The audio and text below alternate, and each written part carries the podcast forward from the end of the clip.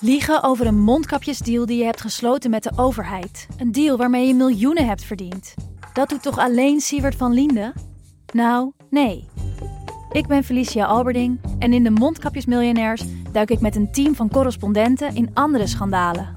Want wist je dat Siewert helemaal niet uniek is? Luister de Mondkapjesmiljonairs in je Podimo-app. Of ga naar podimo.nl slash mondkapjes. En probeer Podimo 30 dagen. podimo.nl slash mondkapjes.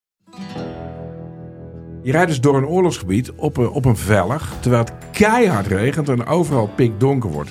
Nee, we durven niet te stoppen. En je- eh, ja, eh, Joep is nooit bang. Joep Vermans, de kamerman, die was nu ook echt bang. Via podimo.nl slash gonzo luister je de eerste 30 dagen gratis naar Podimo. podimo.nl slash gonzo. De grootste meningsverschillen, de heftigste clashes, vinden achter gesloten deuren plaats. Dit is Betrouwbare Bronnen met Jaap Jansen.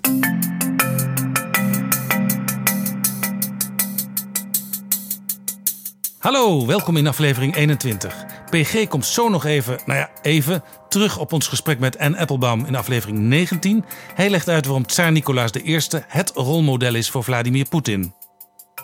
In de tweede helft van deze podcast heb ik een gesprek met Gertjan Segers, de leider van de ChristenUnie. Dat vindt plaats op een spannend moment.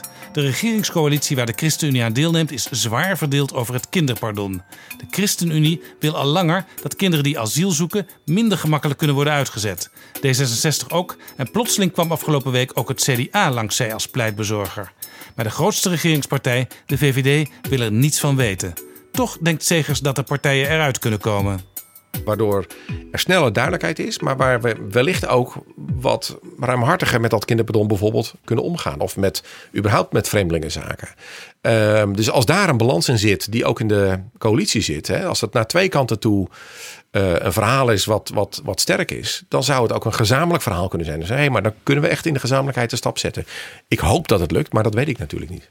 De leider van de ChristenUnie maakt zich grote zorgen over het maatschappelijke debat en de steeds geringere bereidheid om met elkaar oplossingen te bedenken en te verdedigen. Waar ik bang voor ben, is, is, en dat zien we met het klimaatakkoord, maar dat zien we ook met het pensioenakkoord, is dat de bereidheid om, om compromis te sluiten, ook maatschappelijk, dat die bereidheid steeds kleiner wordt. Ja, bij het klimaatakkoord zijn de vakbonden en milieuorganisaties En weggelopen. dat vond ik zo zwak. Dat vond ik zo, zo misplaatst. Het pensioenakkoord lag iets onder handbereik. Ja. Ook daar zijn de vakbonden, hadden daar grote moeite mee, is niet doorgegaan Ja. op dat moment. Ja. En ehm, dus we hebben al in de politiek hebben we steeds meer partijen die zeggen het is alles of het is niks. Eh, als je dat maatschappelijk ook krijgt, ja, dan wordt het uiteindelijk niks.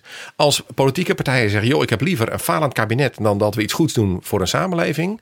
Eh, dus ik trek mijn handen af van een klimaatakkoord, ik trek mijn handen af van een pensioenakkoord. Want alles wat dit kabinet doet is waardeloos, omdat ik tot de oppositie behoor en eh, een coalitie de vijand is. Dan komen we nergens. Als dat maatschappelijk datzelfde sentiment eh, postvat dan gaat er iets, iets, iets stuk in het land. En eh, nog, nog een keer, kijk naar wat er in, in het Verenigd Koninkrijk gebeurt. Kijk wat er in de Verenigde Staten gebeurt. Die mentaliteit maakt een samenleving kapot. Ook in de Tweede Kamer ziet Gert-Jan Segers dit, tot zijn grote spijt.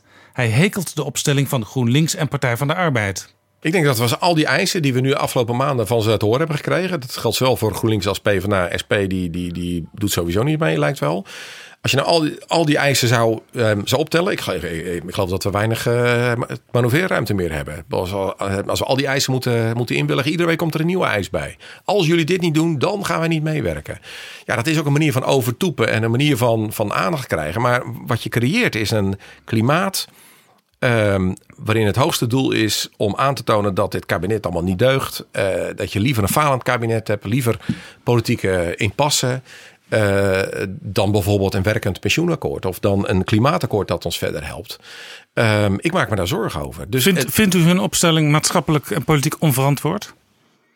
Nou, het, is, is- het, het, het gaat wel die kant op. Dus ik, ik ken ze inderdaad als van oudsher verantwoordelijke politici. Ook politici die zich die een verantwoordelijkheid voelen voor dat politieke midden. Ehm, maar met nou ja, de ervaring nu rond het, rond het eh, klimaatakkoord en eh, of het concept klimaatakkoord en het pensioenakkoord eerder, eh, maakt dat me wel somberder over het politieke en het maatschappelijke klimaat. En het is spelen met vuur. Met Segers praat ik ook over de Europese verkiezingen. In de zeer diverse fractie waarvan zijn partij deel uitmaakt in het Europees Parlement is geen plaats voor de partij van de Italiaanse vicepremier Salvini, zegt hij. En ook niet voor die van Thierry Baudet, die een nexit wil. Ja, wat voor chaos dat zou creëren. Wat voor schade je, je je land aandoet. En wat voor schade je ook Europa zou aandoen. Om dat hele verfijnde bouwwerk van samenwerking, van checks en balances, van toch de vrede zoeken. Als je daar een einde aan wil maken. Ja, ik, ik- totaal onverantwoord. Maar dat is wel de inzet van Thierry Baudet in Europa. In Nederland is tot Segers eigen verbazing een kleine liefde opgebloeid tussen de ChristenUnie en D66. Ja, dat is, dat is inderdaad een wonderlijke eh, loop van de politieke geschiedenis inderdaad. Dat en meer straks in de tweede helft van deze aflevering.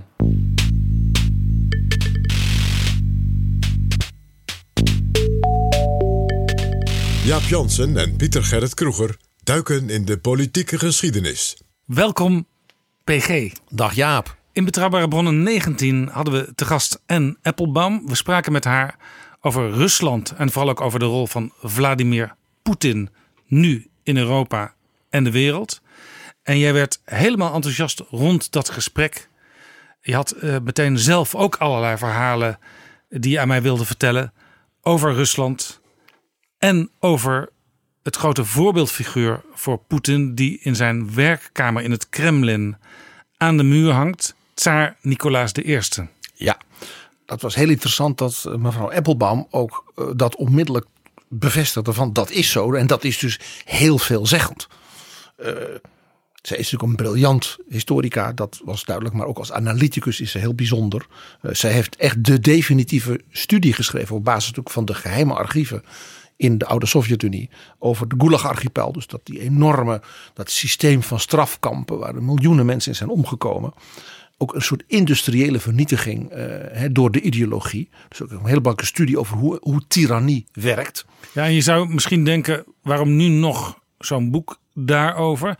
Maar juist nu zijn de archieven veel toegankelijker dan ze ooit geweest waren. En natuurlijk ook met de digitalisering kun je ook nog weer dieper graven. Ja, zo- zo, is, is er een belangrijke Nederlandse historicus, meneer Diekutter, die dus drie dikke boeken over voor China van, van Mao heeft geschreven. Op dezelfde manier in de archieven, ook in de provincies, dus in kleine steden. Wat er als het ware diep onder Beijing en wat de- het Westen en de wereld ziet, wat daar dan gebeurt. Maar we hebben het over en Applebaum En Applebaum Rusland. en Rusland. En je begrijpt, Mao had dat natuurlijk geleerd van Stalin en de Kims in Korea. Het is dus uiterst relevant, dit soort historisch onderzoek.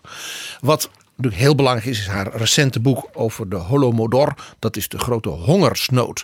eh, Die dus bewust is uitgelokt eh, door Stalin om dus de mensen in de Oekraïne ja, te onderwerpen. Er zijn dus honderdduizenden Oekraïnse boeren. Dus ook gewoon eh, als ballingen zeg maar, nou ja, naar Kazachstan, Oezbekistan in de, in de woestijn gestuurd. Letterlijk. Om daar te gaan boeren. En er zijn dus waarschijnlijk iets van 3 miljoen mensen gewoon van honger omgekomen. In het begin jaren 30, wat in Europa niet of nauwelijks bekend was. Alle gegevens hierover zijn natuurlijk in de Stalinistische tijd vernietigd. En zij heeft dus in het nieuwe Oekraïne van nu, op het Westen democratie georiënteerd land, in die archieven onderzoek kunnen doen. En heeft dus een schokkend boek geschreven over hoe dus in een relatief moderne industriegebied als toen de Oekraïne al was, eh, er dus gewoon een volkerenmoord door mensen uit de honger is gepleegd. En dat geeft misschien ook aan ehm, hoe het komt dat iemand als Poetin nu op de manier zoals hij nu met Oekraïne omgaat, waarom hij dat zo doet, dat ligt dus in een diepere Russische historie. Die relatie tussen Rusland en Oekraïne. Die is zeer ingewikkeld omdat Oekraïne voor een deel eigenlijk de oorsprong is van het Russische Rijk. Het, om een idee te geven, in de vroege middeleeuwen eh, heette dus het rond Oekraïne, dat heette Kiev Rus. Het woord Rusland komt dus uit Oekraïne. Tegelijkertijd is de Oekraïne een eigen land met een eigen taal, een eigen cultuur, maar zeer verbonden in de historie, ook, ook kerkelijk eh, en, en, en, en, eh, en dergelijke, met dus Rusland. Dus er, er is altijd spanning tussen die twee. En eh, Stalin heeft dus de Oekraïnse bevolking, die dus niet communistisch georiënteerd was, maar op het Westen ook toen, eh, ook, ook, ook religieus meer op het Westen georiënteerd. En op bijvoorbeeld Griekenland, hè, dus de orthodoxie in Griekenland. Eh, dus echt door een gewoon bewuste hongersnood met miljoenen mensen die gewoon omgekomen zijn. om, ze, ja, om eigenlijk de Oekraïne voorgoed te onderwerpen aan dat communisme. Die tsaar Nicolaas, die dus aan de muur hangt bij Poetin. Dat vond zij een tragisch figuur, zei ze in ons gesprek. Ja, dat was heel bijzonder. Dat zij zei: het feit dat deze tsaar, die een, ja, een bijzondere heerser was, dat die het voorbeeld is voor Poetin. Dat zij zegt dat is een, eigenlijk een uiting dus van de tragiek van de Russische geschiedenis. Want ze zei, Poetin zou, een president van Rusland van nu, zou ook heel andere mensen uit de Russische geschiedenis als een voorbeeld kunnen zien. Eh, Bijvoorbeeld de, de zoon van tsaar Nicolaas I, eh, tsaar Alexander II, die de lijfeigenschappen, de slavernij heeft opgeheven. Eh, Dat zou je ook kunnen doen. Eh, Jij zou zelfs de grootmoeder van tsaar Nicolaas, Catharina de Grote, eh, zonder enige twijfel de, de, de meest briljante figuur in Rusland van de voorbije eeuwen. Ja, tsaar heerser. Peter, die ook allerlei vernieuwingen heeft Tsaar Peter, doorgevoerd. die, die dus een verwestersing in Rusland doorvoerde. Het is dus heel kenmerkend, dat was, vond ik zo boeiend dat ze dat onderstrepen. Er hangt maar één portret, Nicolaas I. Zal ik eens iets, iets over hem vertellen? Ja, vertel eens, want dan komen we vanzelf ook nog weer meer te weten over de drijfveren van Poetin, denk ik. En we hebben natuurlijk vorige week bij N. Applebaum al een heel mooi verhaal over Poetin en de actualiteit van nu gehoord. Maar waar komt dat handelen van Poetin nu historisch gesproken vandaan? Bovendien, je zou kunnen zeggen, Nicolaas I was de meest Nederlandse tsaar. Alle Russen. Dat was een hele bijzondere band met Nederland. Daar gaan we het nog over hebben. Nou, allereerst, eh, hij was geboren in 1796 en nou, in 1815, 1816 was hij met zijn broer, eh, die was op dat moment de tsaar, zijn broer Alexander, op bezoek bij alle Europese vorsten nadat ze natuurlijk Napoleon hadden verslagen. En de dames in Londen, de dames van plezier, die noemden hem de knapste man van Europa. Want de jonge eh, Nicolaas, die werd natuurlijk Kolja genoemd. En, en Nicolai door zijn broers en zussen. Was een reus van een vent. Blond, blauwe ogen, eh, groot gebouwd. eh, knappe vent. Mo- mooie snor. Je kon dus zien dat het huis Romanov gevuld was met Duitsers. Duitsers, maar we hebben het hier toch over Russen? Dat is begonnen in het bijzonder bij diezelfde, we noemden haar al, Catharina de Grote. Die trouwde dus met een Russische kroonprins, Tsarevich. En die was, die was Peter, prins van het hertogdommetje Holstein in Duitsland. Catharina de Grote was helemaal geen Russin. Zij heette oorspronkelijk Sophie van Anhalt-Zerbst. En dat is een vorstendommetje dat is zo klein. Dat ligt ergens tussen Magdeburg en Leipzig. En nou ja, als je niest, dan ben je alweer aan de andere kant van het vorstendommetje. Maar ja, haar vader was dus een, vorst. En haar moeder was een achternicht van koning Frederik de Grote van Pruisen. En haar vader was een van zijn generaals geweest. Wat ik wel interessant vind, even tussendoor, eh, PG. Elke keer als we het over deze Europese geschiedenis hebben met al die vorsten en al die leiders in het ver- ver- verre verleden. eh, op de een of andere manier, eh, ze waren bijna allemaal ook familie van elkaar. En ze waren ook allemaal heel Europees. Want ze reisden ook gewoon heel Europa door. Ze gingen bij elkaar op bezoek. Trouwden met elkaar, eh, hadden dus allemaal familiebanden. Er werd heel veel geschreven met Dus elkaar. als je nu zegt, als je zeg maar als euroscepticus je wil profileren. Ja, wat moeten wij als Nederland met al die andere landen? Zet er een hek omheen. eh, Zorg dat er weer grenswachten overal staan. Dat is eigenlijk heel ahistorisch. Volstrekt. Eh naties in de zin van nationale staten zijn dus iets heel recents. Heel recent. Eh, er waren geen grenzen en douanes. Er waren tollen, maar die waren binnenlands. Dus als je bijvoorbeeld Berlijn uitging, de Brandenburger Tor was een tolhuis. Dan moest je betalen. Ja, net zoals je in Nederland rekeningrijden zou kunnen invoeren rond de grote steden. Eh, daar betaalt een Nederlander voor, maar daar betaalt ook een Belg of een Duitser voor als die daar komt. de tol op de snelwegen in andere landen en het idee van rekeningrijden is in feite een terugkeer van de 15e, 16e, 17e eeuw. Zo, die hebben we even genoteerd. Nou, dus de, de Romanovs waren dus in feite Duitsers. Want ook eh, de grote Catharina, eh, de, de, de tsarina, ze heeft haar man onmiddellijk laten vermoorden door haar minnaars. Zodra hij op de troon zat. En toen deed ze het zelf. En dat was een briljante vrouw. Maar zij was dus gewoon een Duits prinsesje uitgehuwelijkt via haar eh, oudoom Frederik de Grote aan dus het huis Romanov. Nou, Catharina de Grote die, die krijgt dus die baby mm, als, als oma en is meteen verrukt. Want de kleine Kolja, dat was meteen haar oogappel.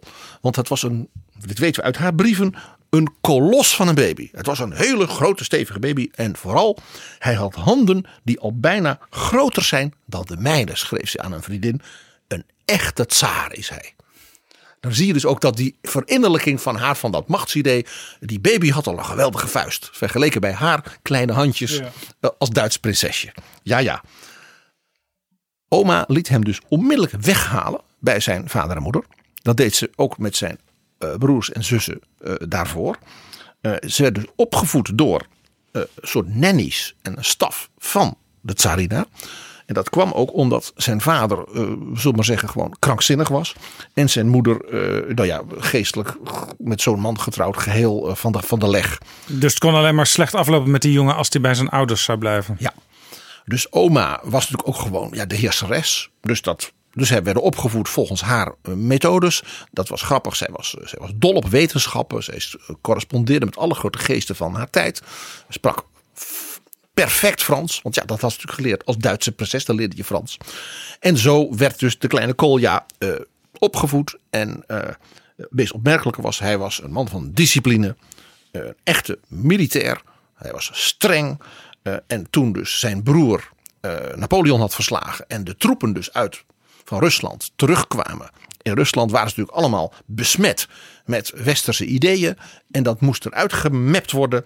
Eh, eh, en dat deed dus de prins Nicolai voor zijn wat ruimdenkender broer eh, Alexander. Die liet het leger eigenlijk min of meer dus aan de generaals en aan zijn jongere broer over. En dat heeft, hebben ze geweten. Hij was doordat die invloed van het liberale denken en vrijheidsdenken op die soldaten en vooral op de officierenklasse natuurlijk eh, zeer argwanend daarvoor. Want dat waren niet Russische invloeden, westers cosmopolitisme, liberale fratsen. Nou, dat moest er allemaal uitgemapt worden. Dat had hij in zijn jeugd bovendien door die nannies ook meegekregen. Want hij had een nanny uit Schotland. Want ook dat was in die tijd dus normaal. Dat je dus een nanny had uit heel andere landen dan hè, bijvoorbeeld in dit geval uit Rusland. Ja. En hij was voor een tijd lang dus opgevoed in Warschau.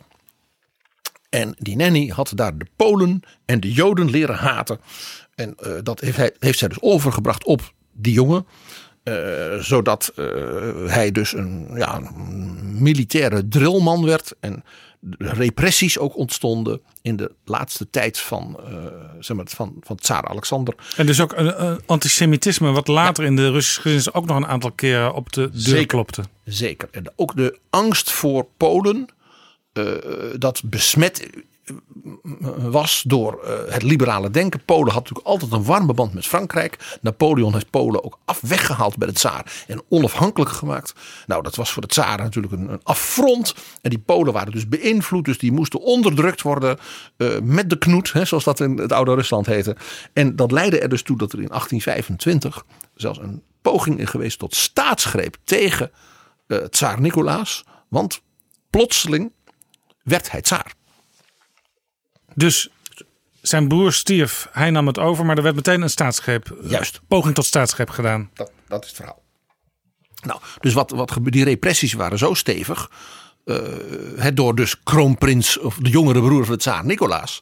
eh, dat dus de, de ja, verlicht denkende officieren een, een coup d'état hebben gepland. Die hadden absoluut geen zin in, in zo'n regime. Nee, die wilde iets meer, iets meer openheid en iets meer, meer, iets meer vrijheid. Nou, wat intellectuelen natuurlijk meededen. En eh, nou, op dat moment gebeurt er iets heel bijzonders. Plotseling wordt dus kroonprins Nicolaas, of Nicola, prins Nicolaas, wordt de tsaar. Want eh, zijn broer, tsaar Alexander, 47 jaar oud, sterft op vakantie op de Krim. En dat was altijd zo gezond. En daar kon je altijd eh, heel goed eh, eten. En het was, de, de zon scheen En het daar. was een natuurlijke dood. Ja, het was een natuurlijke dood. Zeer plotseling. En er was geen opvolging geregeld. Eh, er was nog een andere broer. Die zou dan wellicht het geworden zijn. Maar die bleek dus in het geniep getrouwd te zijn met een Poolse gravin. En dat kon dus niet. En dus er was een, een soort vacuüm aan de top. En toen hebben die officieren gedacht. Dat gaan wij nu toeslaan. Nou. Ja, want Nicolaas dacht dus, ik kom nu in aanmerking, ik ga het overnemen. En mijn militairen die, die, die hadden daar een bitter idee bij. Dat moeten we niet, niet toestaan. Op de eerste dag van dat hij dus wist, ik ben de tsaar, mijn broer is dood en die andere broer die, die, die doet het niet. Want dat moest natuurlijk in die tijd met, met ijlbodes heen en weer. Eh, is er dus een opstand geweest van eh, officieren en soldaten. En dus op zijn eerste dag heeft hij dus op het plein in Sint-Petersburg voor het paleis, wat wij kennen als de Hermitage. Ja. eh, dus een heleboel kanonnen moeten neerzetten. En heeft dus de hele zaak overhoop geschoten. Eh, gelukkig was een deel van de garde bleef hem trouw. Ja, maar dat zou ik vragen. Eh, als, je, als de militaire top in opstand komt tegen je, ja, dan, dan ben je bijna, dan ben je eigenlijk weg.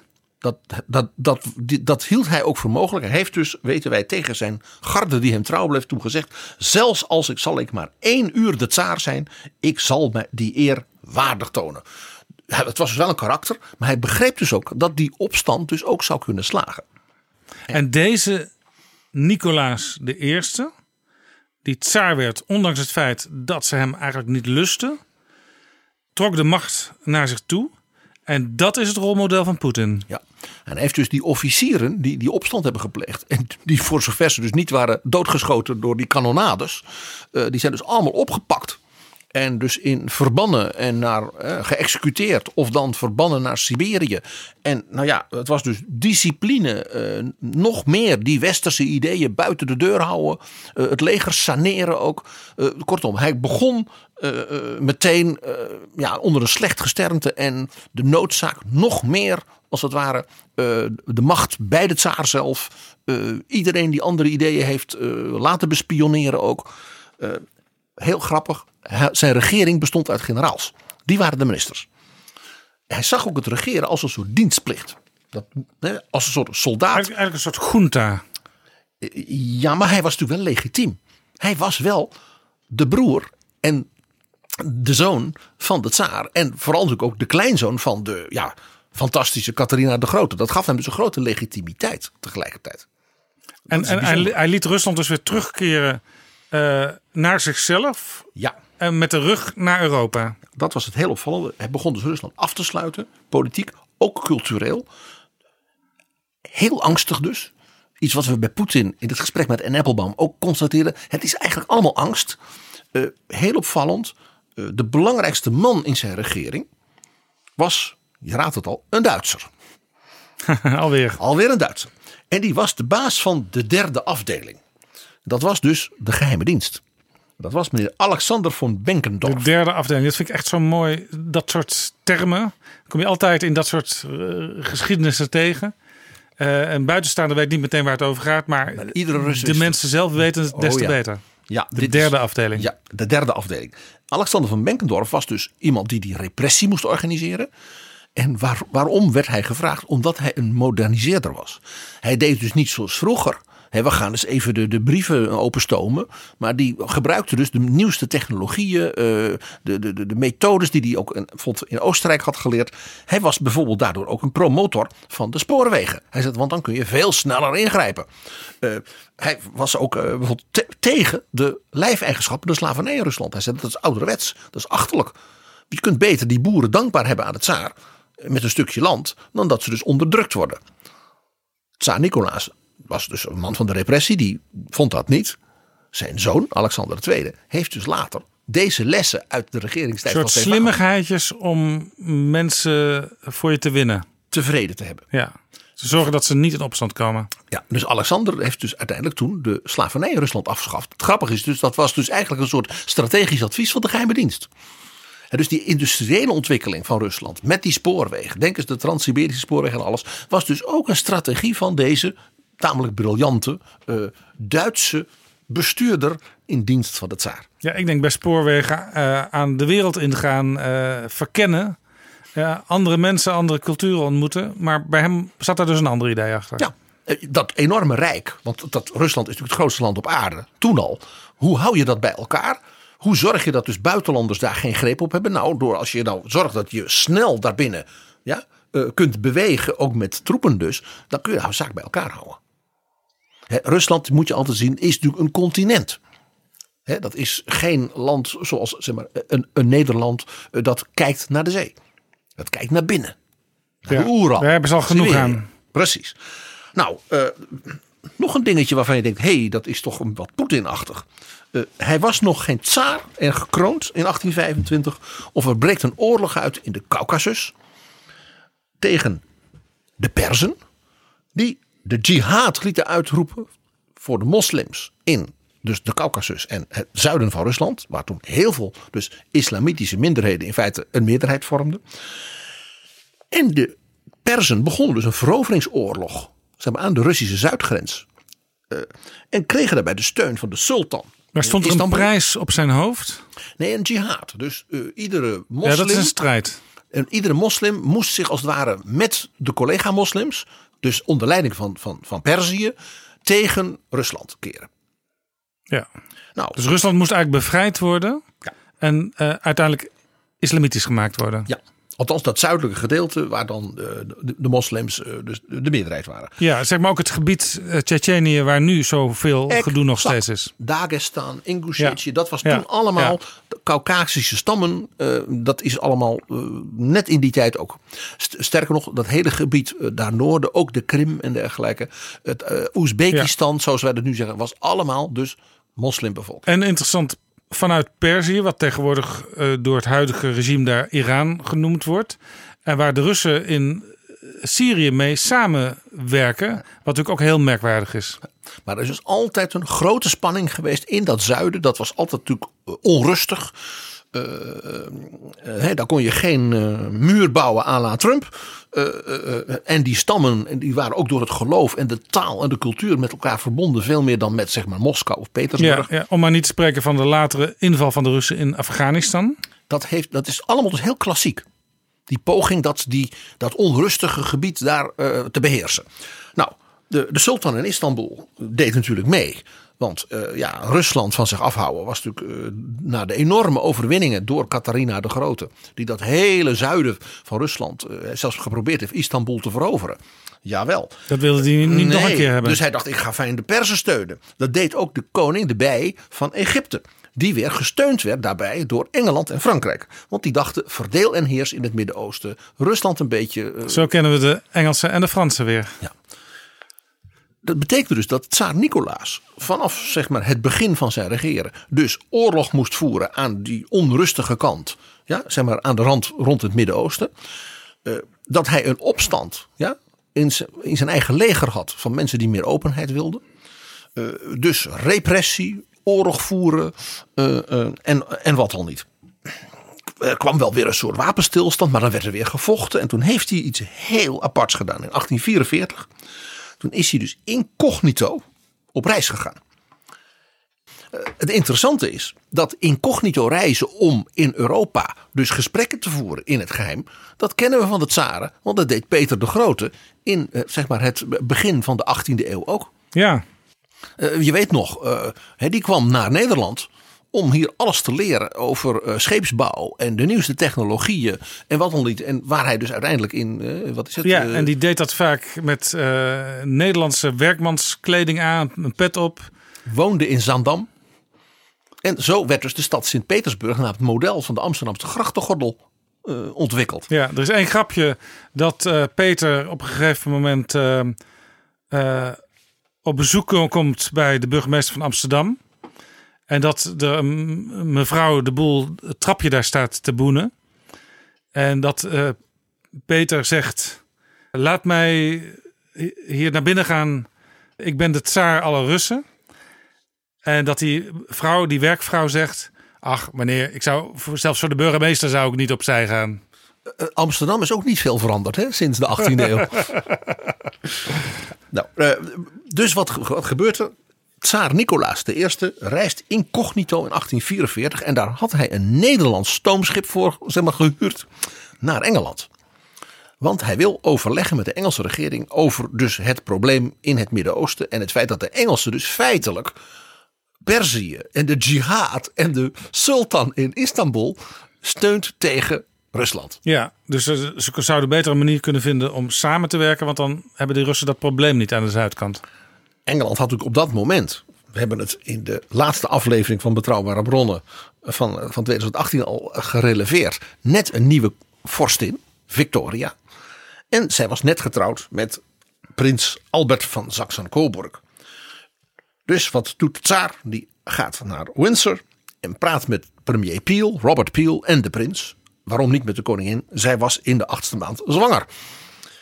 En de tsaar is ja, gaan doen wat je van deze man wel een beetje verwacht. En je denkt ook weer toch, toch weer een beetje Poetin. Die gaat met de vuist op tafel slaan. En die bedreigt die Engelse premier. En die zegt dus tegen, die, tegen de prins Albert. eh, van Turkije moet dood. Tur- Turkije, letterlijk nu uit de brieven. Turkije is een stervende man. Het is een land dat moet sterven. Maar hij kwam dus op bezoek in Engeland en dan gaat hij dit soort toon aanslaan. Ja, nou, Prins Albert, die uitermate progressieve liberale Duitse prins was. Eh, bovendien, hij kwam natuurlijk uit Saxen, Saxen-Coburg. Saxen was door de tsaar gestraft in 1815 bij het verdrag van Wenen, eh, omdat het Napoleon had gesteund. Dus de tsaar had zelfs geprobeerd dat hele Saxen op te heffen. Albert was niet bereid om meteen eh, toe te geven. dat was niet een fan van Rusland, om maar zo te zeggen. Nou, dus dat leidde tot groot gedoe. Toen heeft koningin Victoria, want hij was natuurlijk toch wel een, ja, de tsaar alle Russen. Hij was dan wel incognito als graaf, dit of dat. Maar, dus toen heeft ze hem hoogzwanger toch maar zelf ontvangen. Zeg maar min of meer op het kraambed. En ze hij zei dus, nou ja, majesteit, eh, ja, fijn dat u op bezoek komt. En ze heeft dus eh, hem eigenlijk een beetje afgehouden. eh, en heeft dus in een En bij brief... zo'n hoogzwangere koningin kun je ook natuurlijk niet eh, Tekeer. opnieuw met de vuist op tafel slaan. Nee. Dus ze heeft zich afstandelijk gehouden. En eh, nou, hij heeft haar natuurlijk al het beste gewenst. Je kent het allemaal wel. Ja, en haar man, prins Albert, was, het was ook een hele jonge vent. Zij was ook heel jong. Die deed haar natuurlijk verslag eh, van die gesprekken. En in een brief van Victoria weten we dat ze zei... nou, de tsaar is niet heel erg intelligent in zijn optreden. Nicolaas gaat dus incognito terug naar Moskou, naar Petersburg en is gechoqueerd. Dat weten we uit de verslagen van zijn, aan zijn ministers. Want hij merkte dus, ik sta alleen in Europa. Ik heb geen steun van Engeland. Frankrijk sowieso natuurlijk niet, dat is een liberale eh, republiek. Eh, zij steunen gewoon de, de, de sultan. Ik word dus aan het, en in Europa en dus ook in het Midden-Oosten en aan de Zwarte Zee, wat natuurlijk voor Rusland, hè, denk aan nu de Krim, de Oekraïne, eh, eh, essentieel is strategisch, word ik gewoon dus door de andere Europese machten ja, terzijde geschoven. Ja, hij, hij had al binnenlands een politiek van met de rug naar de rest toe gaan staan. Nu werd hij daar eigenlijk in bevestigd door al zijn Europese collega's. Ja. Nou, dat eh, leidde tot opnieuw oorlog. Met, nu niet met Perzië, maar met de sultan. Eh, hij dreigde dus met de vloot en met zijn legers, eh, zeg maar, door Roemenië en Bulgarije, eh, Istanbul in te nemen. Dat was de oude droom van zijn grootmoeder, Catharina de Grote. Dat was haar grote strategie. Dus haar strategie was verzoening met het Westen, verovering in de Balkan en in de Caucasus. Dat was een aanzienlijk geacheveerdere strateeg was zij. En eh, die oorlog, eh, ja, die gaat dus niet zo goed voor de sultan. Dus de sultan krijgt meteen weer steun van, je raadt al, de Britten en de Fransen. Nou, nog erger, dat maakte het voor Nicolaas nog erger. Ook Oostenrijk, dus de keizer in Wenen, ging, die bleef zogenaamd neutraal. Steunde dus de tsaar niet, zijn vriend. En stiekem hielp hij eh, de, de, de sultan door dat hij zijn troepen zeg maar, aan de grenzen met Oostenrijk en Hongarije daar kon gebruiken tegen de tsaar. Dit was chockerend voor Nicolaas. Hij had namelijk vlak daarvoor bij een grote opstand in Hongarije met 200.000 Russische soldaten en cavalerie de Hongaren helpen onderdrukken voor de keizer in Wenen.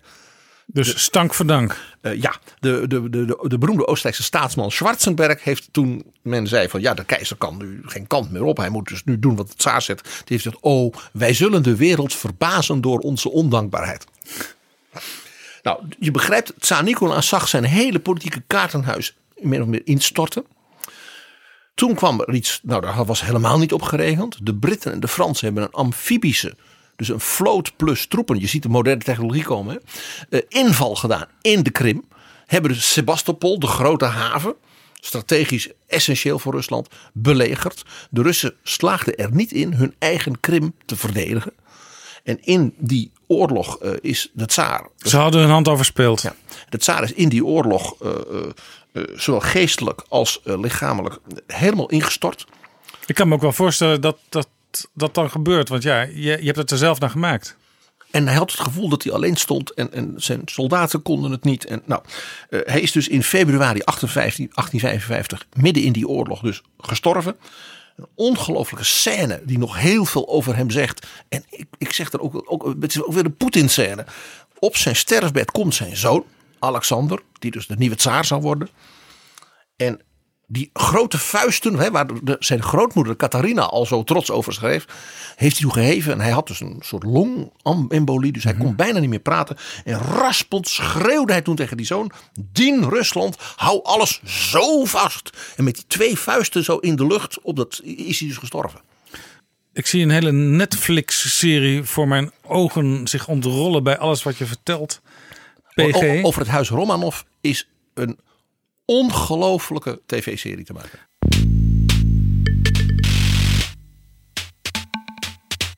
Dit is Betrouwbare Bronnen. Een wekelijkse podcast met betrouwbare bronnen.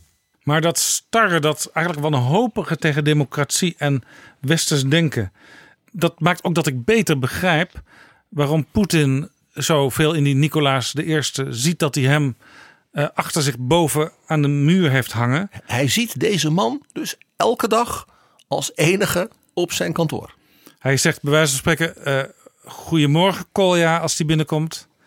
En hij denkt aan alles wat Nicolaas gedaan heeft. Wat dus eigenlijk uiteindelijk helemaal niet zo succesvol eh, was. Maar wel veel doet herkennen van wat Poetin op dit moment doet. Namelijk niet uitbundig willen samenwerken met de rest van Europa en de rest van de wereld. De, de, opmerking van Anne Applebaum vond ik dus, eh, ook als historicus, buitengewoon interessant. Wat ze, het is dus diepe tragiek. Dat eh, de president van Rusland deze tsaar, met natuurlijk zijn bijzonder levensverhaal en alles, als zijn, zijn rolmodel ziet. En bijvoorbeeld niet Tsaar Alexander II, dus de, de zoon, die natuurlijk een aantal lessen wel had geleerd. En dus die oorlog onmiddellijk heeft beëindigd. En vervolgens de slavernij heeft opgegeven. Nou, nou had je het ook nog over eh, de band met Nederland. Ja, dat is, dat is heel bijzonder. Waar, waar staat dat nou speciaal in? Nou, uh, we gaan even terug naar zeg maar, in de beginjaren van zijn leven. De Catharina de Grote, zijn oma, hè, die zo dol op hem was, die sterft eigenlijk vrij plotseling.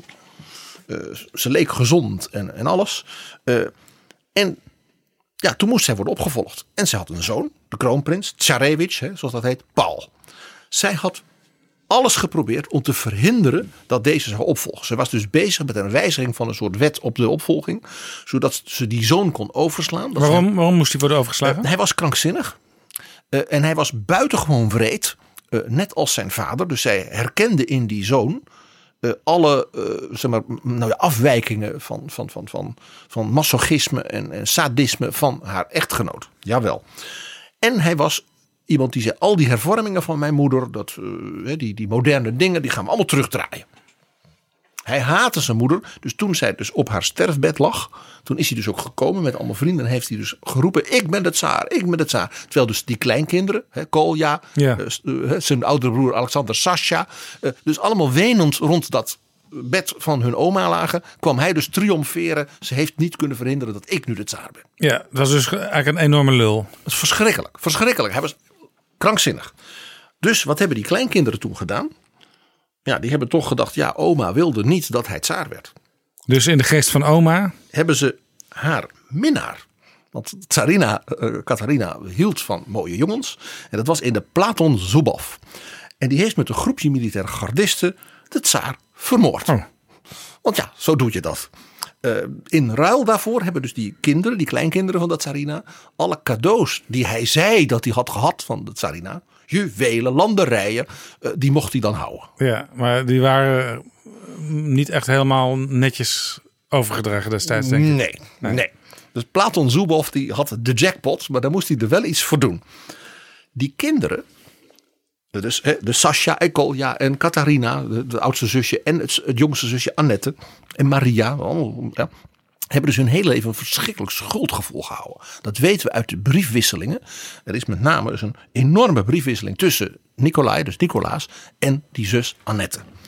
Uh, vol details over wat er allemaal gebeurde in de familie, hun intriges. En Annette, Annette, dat was? Ja, de Annette. Annette werd de koningin der Nederlanden. Want tsaar Alexander, dus die volgde die vermoorde Paul op.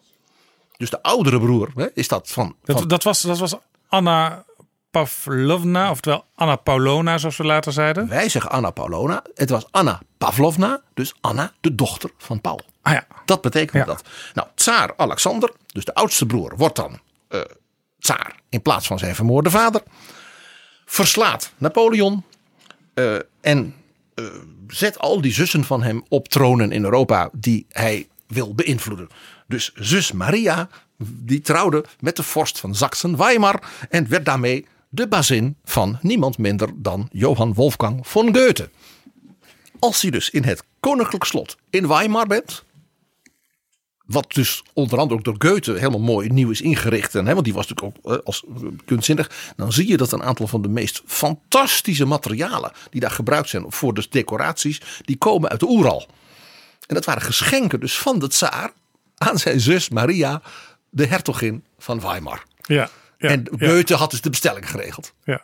Zo zijn we weer bij de vriend van Alexander. Tegenwoordig eh, zorgen we dat eh, we een bondgenootschap maken met, van alle Europese landen die daarbij willen zijn. Maar vroeger was het dus gewoon zo: je stuurde je zusje of je dochter naar een ander hof om daar in te trouwen. En dan had je ook de verzekering dat ze voorlopig rustig bleven. Zoals dus Frederik de Grote als koning van Pruisen dat achternichtje, hè, Sophie van Anhalt-Zerbst, uit liet huwelijken aan de tsarevich van Rusland. En die dus die grote tsarina werd. Jawel. Nou, tsaar een- Alexander huwde de lieveling van de broers in het tsarengezin, Annette, zo, zo werd genoemd. Dus Ja. Anna, dochter van Paul, Anna Paulona, uit aan de Oranjes in 1815. En dat was politiek heel slim.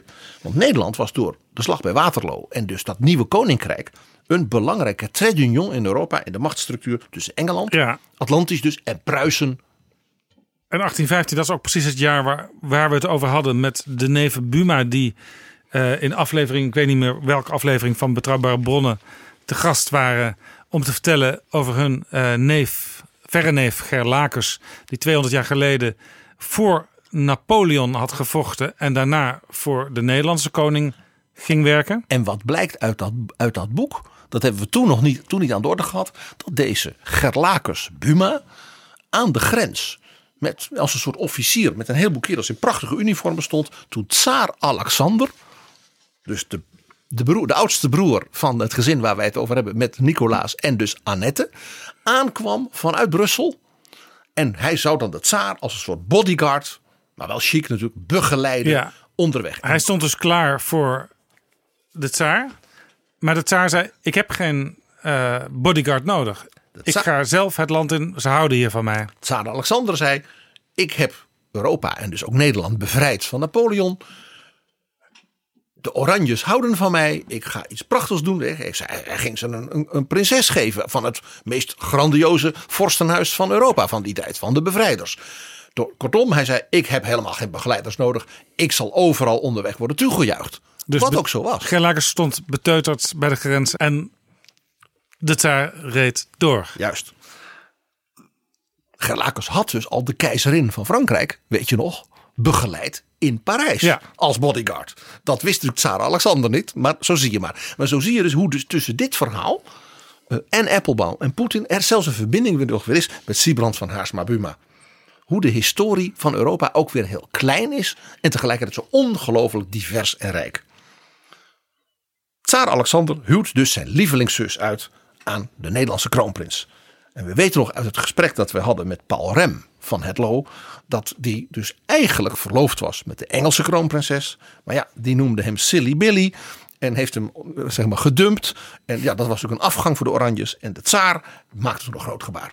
Die zet mijn lievelingszus voor de held Ja. van Waterloo. Geen probleem, hier is een ander. Een betere. En dat was dus politiek heel slim, want Nederland was daarmee dus heel veel verplicht aan de tsaar in Moskou. Politiek. Anna Pavlovna trouwt met Willem in Petersburg. En Willem had het daar erg naar zijn zin. En kwam maar niet terug naar Nederland. En er kwamen dus steeds bozere brieven van zijn vader. dat hij als kroonprins en getrouwd man. nu toch zo langzamerhand wel eens terug moest naar Nederland. Ja. Wij weten inmiddels. er komt straks een verwijzing hiernaar. dat een van de redenen waarom hij het zo naar zijn zin had in Petersburg. was de enorme homoscene in die tijd van Petersburg. Oh, En dat kon dus daar wel en dat kon natuurlijk in Nederland niet. Annette wist daarvan, want het, was- dus een veel ruimere cultureel, zou wij zeggen, dan, dan, wij, dan wij denken bij het Rusland van. Eigenlijk een heel modern huwelijk. Het was allemaal heel, heel apart, zullen we maar zeggen. En zij komt dus aan na heel veel vijf en zes, dan uiteindelijk toch maar in Nederland, in Den Haag. Zij krijgen dan het paleis Kneuterdijk, waar nu Tom de Graaf met de Raad van State zetelt, als woonoord. Ja, want daar, een hele grote zaal, daar is er ook de Anna Paulona zaal. En jij begrijpt nu waarom. Daar werd zij voor het eerst ontvangen door de Nederlandse regering als de nieuwe kroonprinses en de toekomstige koningin. En zij kwam natuurlijk met een hofstaat aan juwelen, aan bedienden. Want ja, het was natuurlijk wel het huis Romanov. Ze had zelfs een compleet eigen klooster mee. Want zij mocht, hoge uitzondering, de dus Russisch-orthodoxe godsdienst houden als haar kinderen maar Nederlands hervormd werden. Dat was de deal.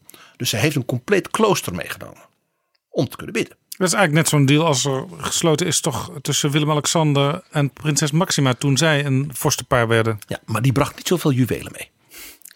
Nou, Anna Polona is natuurlijk gewend Petersburg. Ja, een wereldstad van cultuur. Enorm mooie grote gebouwen, eh, paleizen, eh, de Hermitage niet te vergeten. Dat was toen hun het, Petrus en Paulus. Ja, Alles. En natuurlijk helemaal volgens in de, grandeur van Amsterdam. Ja. Het is één grote gouden bocht. En zij komt dus in Den Haag. En Den Haag is natuurlijk een leuke stad. Ik ga er niks kwaad Hij heeft van ook een paar grachten. Hij heeft ook een paar grachten, maar het was natuurlijk gewoon een dorp. Nog steeds wel een beetje. Er was geen leven, er was geen luxe. Bals, opera, kunst, stijl, banketten, parades. Je juwelen laten zien op een mooie, mooie, mooie En ook dit hebben we in een eerdere aflevering van Betrouwbare Bronnen behandeld. Den Haag werd hofstad in Nederland, werd regeringsstad. Omdat de, de verschillende onderdelen van de Nederlanden, die gunden elkaar de hoofdstad niet. Dus werd het in een, ja, in een soort dorp werd het gevestigd. Waar het jachtkasteel van de Graaf van Holland was geweest. Ja, Ja, en daar kwam zij dus terecht. daar kwam zij terecht. Nou, er was helemaal niets. Geen intriges, geen brieën, geen feest. Eh, ja, en dat was zij gewend. Eh, de tsaren, als je die paleizen ziet rondom Petersburg. eh, en zeker natuurlijk die van haar grootmoeder. Ja. Catharina de Grote had dus alle grote Italiaanse architecten naar Petersburg gehaald. Eh, Meneer Rastrelli en dergelijke. En zij komt hier aan. Het is natuurlijk, en het was somber. En ze mocht op zondag het huis niet uit vanwege de zondagsrust. Ja, dat was ze als Russische prinses. Dus het was zo- zowel voor Anna als voor haar man een lose-lose situatie. Absoluut. Eh, ze was overigens heel erg op hem gesteld. Dus ze waren echt een goed stel. Dat was heel opvallend. Eh, hij bedroog haar natuurlijk wel voortdurend. Hij werd ook voortdurend gechanteerd. Eh, haar schoonvader, koning Willem I, was net als de tsaar een autocraat. Maar was iemand die dus gewoon weet je wel, 14 uur per dag achter zijn bureau zat te werken. In een versleten uniform. Feesten en partijen, daar deed hij niet aan. Haar schoonmoeder was een kille Duitse prinses. Eh, het, ze heeft het helemaal niet naar de zin gehad. En het hoogtepunt, dieptepunt was dat de juwelen die zij dus van haar oma, Catharina de Grote, had geërfd. Je begrijpt, dat was, dat is ongeveer zoveel waard als de hele de, de, regeringsbegroting. Eh, en, en die had ze dus allemaal meegenomen. En die had, haar broers hadden natuurlijk bij, dat, bij haar vertrek in Petersburg, in de armen, geweneld in de armen, nog meer juwelen meegegeven. En die zijn gestolen vanuit een, een soort eh, kastje in het paleis van de Oranjes in Brussel. En de ernstige vermoeden gaat dat dat is gedaan met medewerking van haar man. Om dus weer een chantage kwestie bij de een soort maffia in Brussel af te kopen. Die juwelen gingen gewoon naar een groepje dat hem chanteerde. Ja, waar hij schulden had. Eh, Dat is nooit helemaal bewezen, maar de politie in Brussel heeft het onderzoek op een bepaald moment ineens gestopt. Een Ook film. dat, ook dat doet denken aan weer een latere episode in het verhaal van de Oranjes. Namelijk Prins Bernhard die geld nodig had om zaakjes in Parijs af te kopen. En dat deed hij dan weer met geld wat hij van de fabrikant Lockheed Ja. ontving. Maar kortom, een film. En als we het over Anna Pavlovna hebben... dan hebben we het dus ook over dat Russische bloed van de Oranjes... waar later Wilhelmina en volgens mij ook Beatrix zich wel eens op beroepen hebben. Ja, het Russisch bloed van eh, de Oranjes komt dus van de Romanovs. En dat komt dus van Anna Pavlovna. En dat was dus de dochter van die krankzinnige, wrede, sadistische tsaar. Dus als dus een oranje zich onmogelijk gedraagt, wat Wilhelmina met grote regelmaat deed. En als Juliana weer allerlei vreemde mystieke gedachten had, eh, of Beatrix zeer koppig was, dan werd gezegd, ja, dat is het Russische bloed. Misschien, toch, moet, misschien moeten we toch, nog, toch wat vaker met Poetin gaan praten vanuit Nederland. Want dan begrijpen we onszelf ook beter. Ja, nou, koning Willem II, dat was dus de kroonprins, hè, die Anna Pavlovna had getrouwd. Die sterft heel plotseling. Of dus net als haar broer, tsaar Alexander, plotseling stierf in 1849. Dan ontdekt zij, zijn weduwe, dat ze volledig bankroet is. Ze kon letterlijk bij de winkeliers in Den Haag geen vlees meer betalen Omdat Willem al die mensen had moeten afkopen. miljoenen schulden. Hij had erop losgeleefd en had dus aan alle kanten werd hij gechanteerd. De regering zei dat ze natuurlijk van niks wist. Dat was natuurlijk helemaal niet waar, maar die wou natuurlijk dat niet betalen. Toen heeft zij dus in wanhoop haar broer, tsaar Nicolaas, gezegd van dit is zo'n schande voor het huis Romanov. En ik ben een arme weduwe. en, ja, en toen heeft hij de kunstcollectie van de Oranjes gekocht. Contant, want ja, een tsaar had dat voor een bedrag van miljoenen zodat zij haar schulden kon afbetalen. Ja, ze zaten weer even goed in de slappe was daardoor. Maar daar hing niks meer aan de muur. Eh, maar dat hangt dus nu allemaal in de hermitage. Ja, dat, viel- dat verbaasde me inderdaad. Ik ben in het, aan de, het eind van de Sovjet-tijd ben ik voor het eerst in de Hermitage geweest. En daar hingen dus gewoon alle Hollandse meesters. En soms zelfs eh, met lekkende eh, water wat er langs lekte, omdat het plafond, daar zat een gat in. Ja, dat is nu niet meer zo. Dat is nu al lang niet meer zo. Eh, maar ja, dat als jong, jonge jongen die voor het eerst in Sovjet-Rusland komt, was dat wel een van mijn grootste verbazingen. Dat daar gewoon de allergrootste Hollandse meesters gewoon allemaal origineel hingen in de Hermitage. Ja, voor een deel. Komt dus uit die tijd. Ja, en, en, en voor een deel. Hoe kwam Nicolaas hieraan? En zijn zus Annette. eh, weer, die grootmoeder, Catharina de Grote, was de grootste kunstverzamelaar van de 18e eeuw. Die kocht echt scheepsladingen Rembrandts, om maar zo te zeggen. En dus haar kleinzoon, Kolja, hè, die kreeg dus de, de oranje verzameling er nog even bij. Dus wat prinses Christina nu doet met het zomaar eh, verkopen van eh, meesterwerken als van Rubens om blijkbaar haar kinderen wat toe te stoppen. Eh, vreemd genoeg is deze eh, toch volstrekt onverantwoordelijke manier van doen, zeg ik maar even. Is een traditie. tra- traditie. Is traditie bij de Oranjes. Ja. Het Russisch bloed. Nou, de zoon van Willem II en Anna Palona wordt dan koning, Willem III. En wij weten van haar dat ze in die zoon alles zag waar zij in haar eigen familie en gezin zo bang voor was. Zij zei over Willem, il y a du Paul dedans. Mijn krankzinnige vader, tsaar Paul, herken ik in mijn zoon. Nou, wij weten koning Willem III was een onmogelijk mens. Zijn bijnaam was koning Gorilla. Oh ja. Dus dat Russisch bloed, dat is vooral dus de erfenis van, van dus tsaar Paul. En dus, dus de koningin van Nederland was bang dat haar zoon, de kroonprins en koning, dat hij dus net zo gek was als haar vader.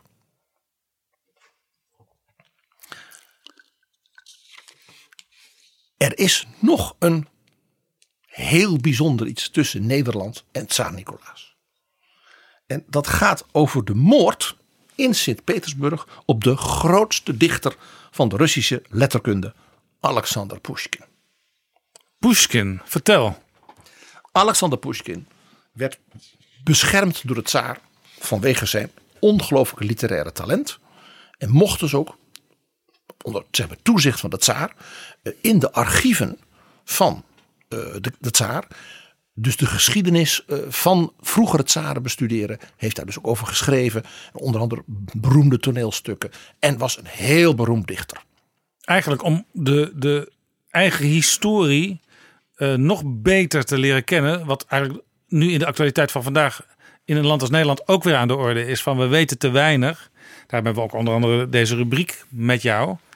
Eh, maar dat speelde toen ook. Want Pushkin mocht de archieven in om de diepe gronden van de Russische historie te vinden. En daarmee dus ook de glorie van Rusland. Hè, dat speelde ook een rol, dus literair te laten horen. Nou, de gunst van de tsaar was zozeer. eh, Hoewel Pushkin wel stiekem had meegedaan met, die, met de intellectuelen in die staatsgreep. Toen heeft hij hem dus heel erg gestraft. Eh, maar hij heeft hem toen weer in genade aangenomen. En de grootste eer in Pushkins leven was dat een adellijke dame, Natalia, eh, door de tsaar uitgehuwelijkd werd aan deze dichter. Die dus af van, van alles was, maar niet van adel. Dat was voor de tsaar ook wel handig, want dat was een van zijn maîtresses. En hij, als dan dus Pushkin, eregast, groot kunstenaar, op alle feesten en partijen aan het hof kwam, dan nam hij natuurlijk zijn vrouw mee. En Komt het tsaar met zijn geliefde Natalia dansen en nog even in een klein chambre séparée. En was dat ook gedoogsgewijs eh, goedgekeurd door Pushkin? Eh, of hij dat helemaal besefte, weten we niet zeker. Hij was wel verschrikkelijk jaloers. En dat was een probleem. Ja, dat is nooit goed. Nee, want de tsaar bleek een rivaal te hebben voor de gunsten van Natalia. Dat was de gardeofficier Jacques Dantes, een Fransman. En die man was zo onvoorstelbaar mooi. Dat was zo'n knappe man. Dat was zo'n filmster, zouden wij nu zeggen. Dat hij was geadopteerd door de Nederlandse ambassadeur in Sint-Petersburg, baron van Hekeren. Dus hij was ineens van adel, Nederlandse adel. En dat was dus de ambassadeur van de zus van de tsaar. Dus Van Hekeren was als daar een beetje de nummer één daarmee van de ambassadeurs in Petersburg. En die had dus ineens een Franse zoon. Iedereen wist dat eh, Georges Dantes daarvoor ook seksuele diensten verleende aan deze baron. Aha. De tsaar wist dat ook, want ja, de geheime dienst, de derde afdeling, wist alles. Dus die schreef aan zijn ministers: die van Hekeren speelt de pooier voor zijn zoon. Jawel, ik zei al, de uh, Sint-Petersburg had een hele andere cultuur dan het brave Den Haag. Ja, en waar ze dit vast allemaal niet wisten. Uh, nee. Er breekt dus een enorm schandaal uit.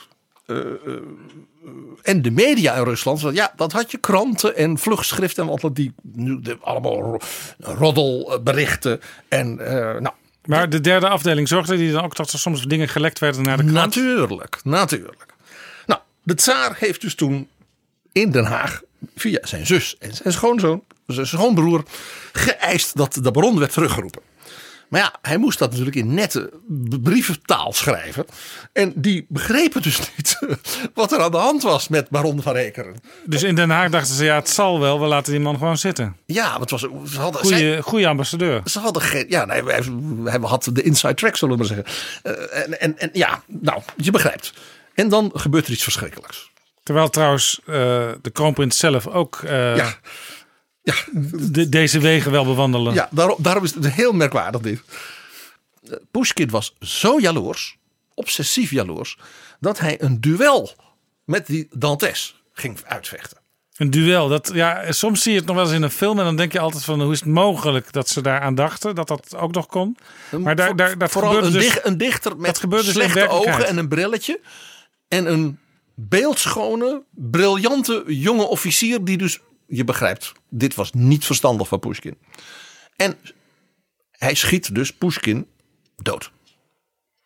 De tsaar is nog aan het sterfbed van de, van de dichter gekomen. Want de tsaar hield dus echt van Pushkin en van zijn werk.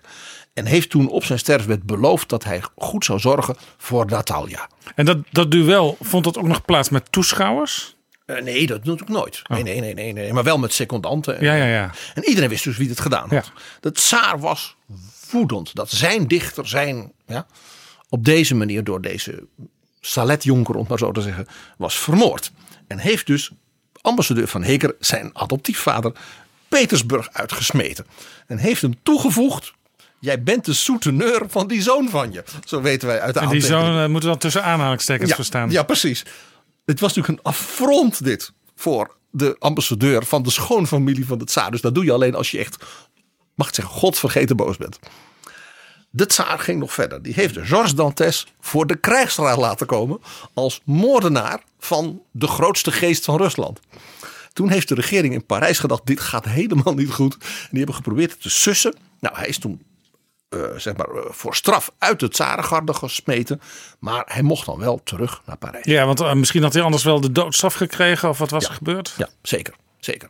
Het grappige is, Georges Dantes verdwijnt dan in de geschiedenis, zou je denken. Nee, hij wordt een van de assistenten van de staatsgreep van, van Napoleon III in Frankrijk. En wordt zelfs een belangrijk politicus in, in, de, in het keizerrijk van Napoleon III in de tweede helft van de 19e eeuw. Ah, ik vind het wel goed, mensen die een zekere kwaliteit hebben, die moet je ook elders kunnen inzetten. Hij had duidelijk kwaliteiten, ja.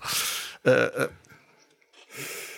Maar wat, wat maakte Pushkin nou eh, dat hij zo'n beschermeling van de tsaar was? Ja. En zo'n beroemd dichter natuurlijk. hij, hij, het was dus een geniaal literator, vooral dus poëzie. Maar wat hij vooral ook bijzonder deed, is dat hij dus andere literaire eh, vormen, romans, eh, epische gedichten, maar ook toneelstukken, als dichter deed. Dus dat was altijd rijmend.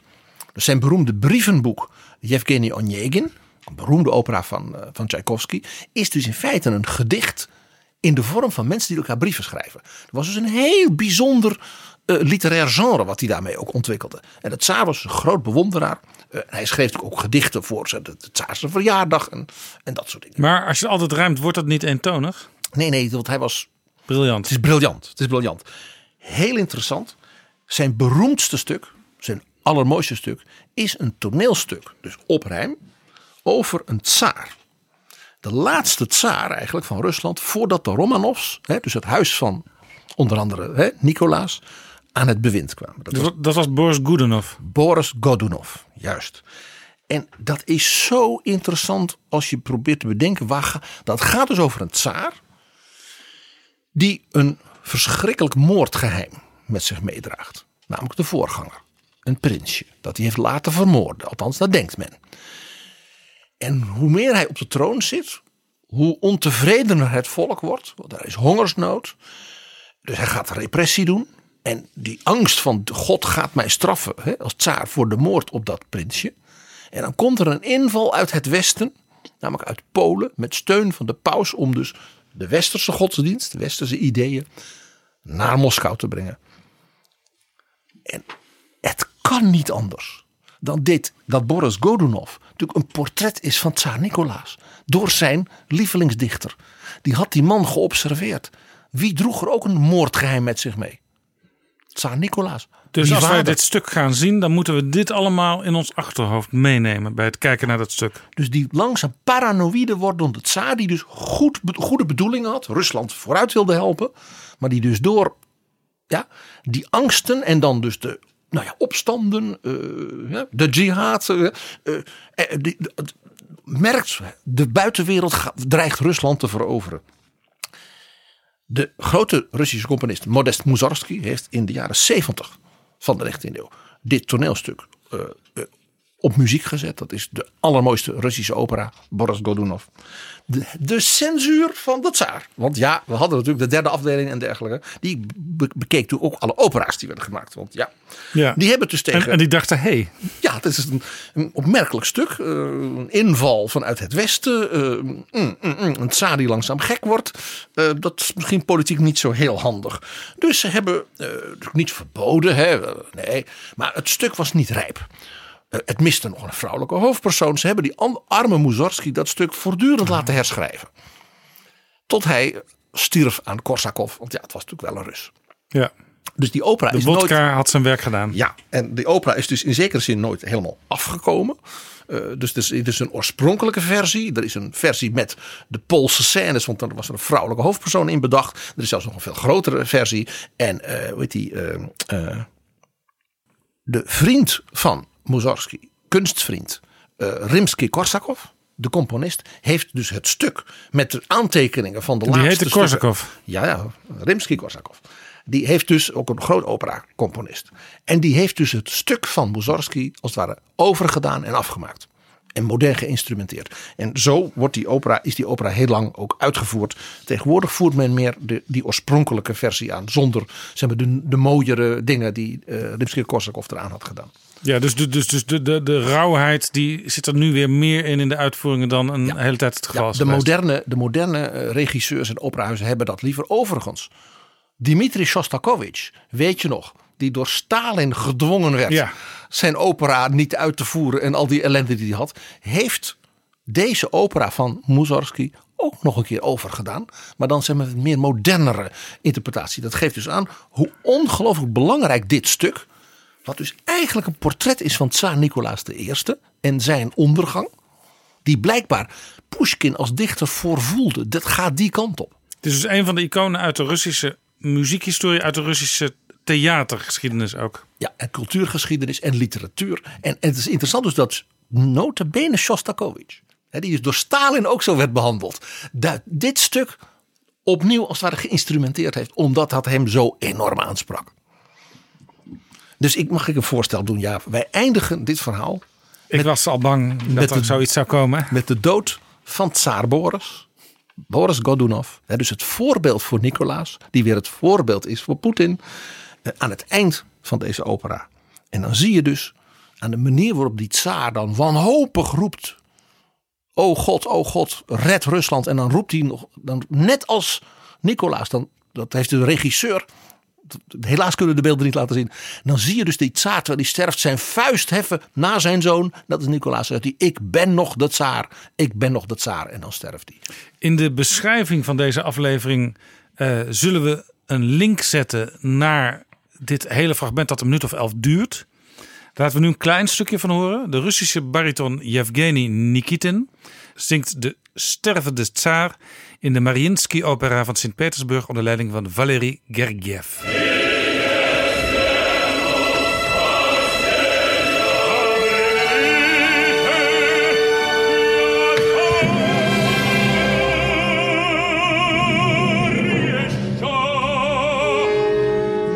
Царь еще! Боже, смерть, прости меня! Вот, вот, царь ваш, царь! Простите! Прос-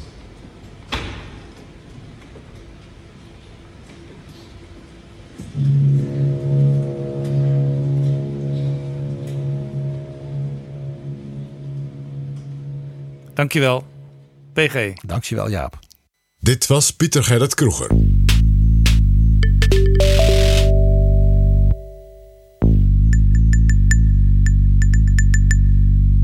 Dit is Betrouwbare Bronnen met Jaap Jansen.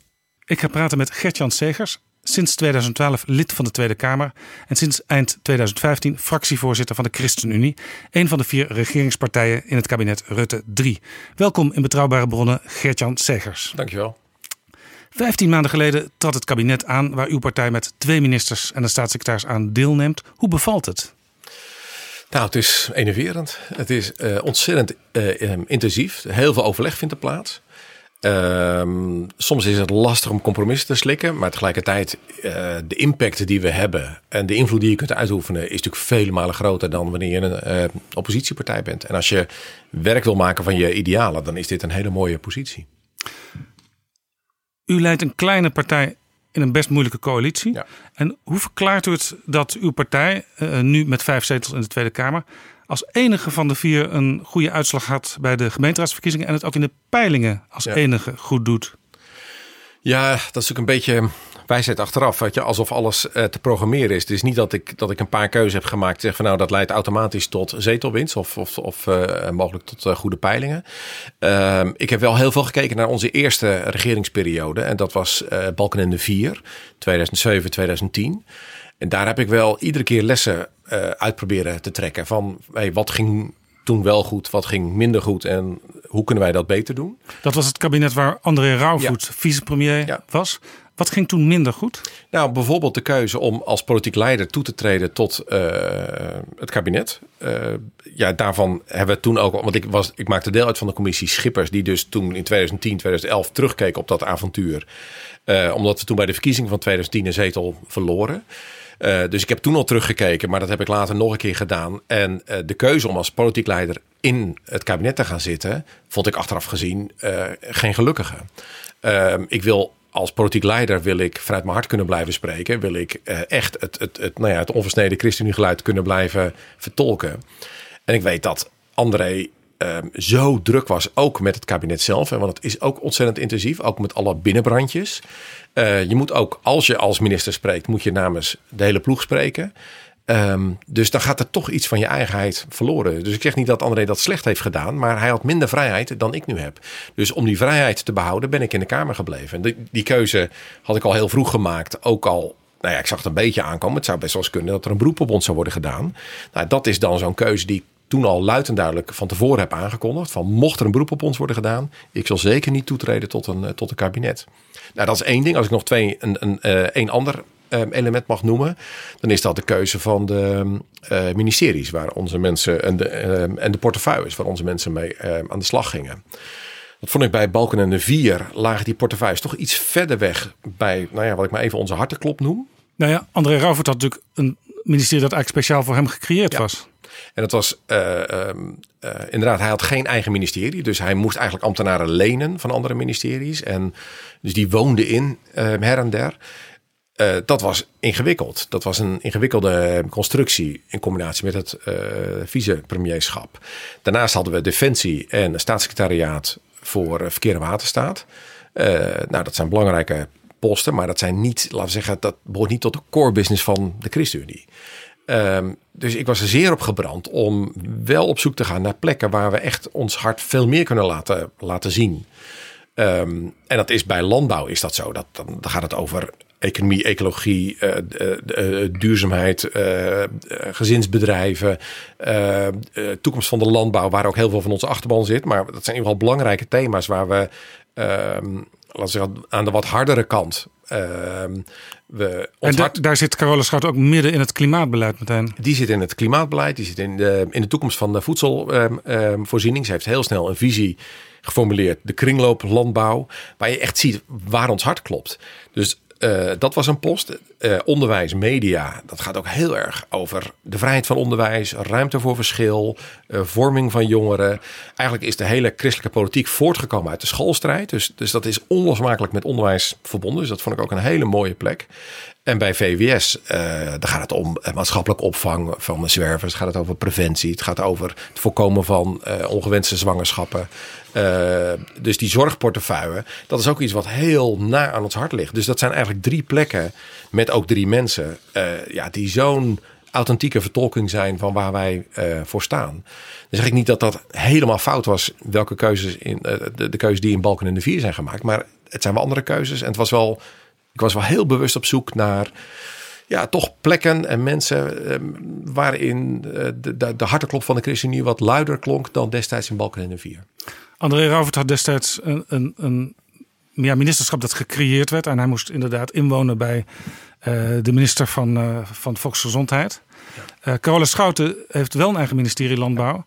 Maar dat was eigenlijk een ministerie wat al opgegeven was eh, een aantal jaren geleden. Ja. En is speciaal voor Carola Schouten weer opgetuigd. Is dat, is dat eigenlijk, moet je dat eigenlijk wel doen als je als ChristenUnie toch ook staat voor een zuinige overheid? Ja, maar er waren ook inhoudelijke redenen om weer zo'n ministerie eh, op poot te zetten. We hebben daar ook de regio aan toegevoegd. Zij heeft de zogenaamde regio-deals ook in haar eh, portefeuille. Bijna een miljard wat we investeren op allerlei plekken om, om, om echt ook eh, de regio verder tot bloei te laten komen. Ehm, het was ook zo dat, dat landbouw wel een heel eigen terrein is. Wat een beetje een, een ondergeschoven kindje dreigde te worden bij het ministerie van Economische Zaken. Ehm, als je nu kijkt naar als er ergens een handelsmissie is, wat wij via de agro-industrie wegzetten, wat voor contracten we sluiten, is het leeuwendeel van de contracten zit ook in die hoek. Dus het is een hele belangrijke pijler. We zijn een hele belangrijke exporteur. Ehm, ja, dat was toch een beetje een ondergeschoven kindje. Dus wij vonden het ook dat de sector zelf het verdiende. Maar het was waar dat mijn voorwaarde wel bij de plek voor Carola Schouten was dat zij een eigen ministerie zou hebben. Als jij een mini- een minister voor bent, ja, dan is dat ministerie. Ben jij niet de eerste persoon op dat ministerie? Ben je niet de, de, de, de, de primus inter pares? Ja, Arie Dus Slob is wel minister voor Ja. op onderwijs. Dus eigenlijk is, zou, zou ik kunnen zeggen, Ingrid van Engelshoven de senior minister. Ja. Dat is de eerste minister, ja. ja, nou wordt er op 15 maart eh, gestaakt. Er is een algemene lerarenstaking dan. Hm. Dat is iets wat eigenlijk in Nederland nooit voortkomt, voorkomt. Zelfs toen minister Deetman de salaris met 3% verlaagde, werd er niet gestaakt. Moet dat niet ook een enorme tegenslag zijn voor Arie Slob zelf als een van de verantwoordelijke ministers? Ehm, wellicht. Eh, tegelijkertijd wordt er, is er nog nooit zoveel geïnvesteerd in onderwijs als in deze periode. Er is nooit zoveel extra geld naar eh, onderwijs toegegaan als nu. Zegt u eigenlijk die leraren die zeuren? Nee, want ik snap wel dat zij ook kijken naar bijvoorbeeld het verschil tussen salarissen in het primair onderwijs en het voortgezet onderwijs. Voortgezet onderwijs wordt beter betaald dan het primair onderwijs. Dus daar zit een salariskloof. Ehm, ik snap dat zij zeggen, eh, eh, wij willen dat het been bijgetrokken wordt en dat wij op hetzelfde niveau komen. Dus dat snap ik. Alleen dat gaat om zoveel geld. Naast eh, nou ja, de bijna 2 miljard jaarlijks die al extra naar onderwijs gaat.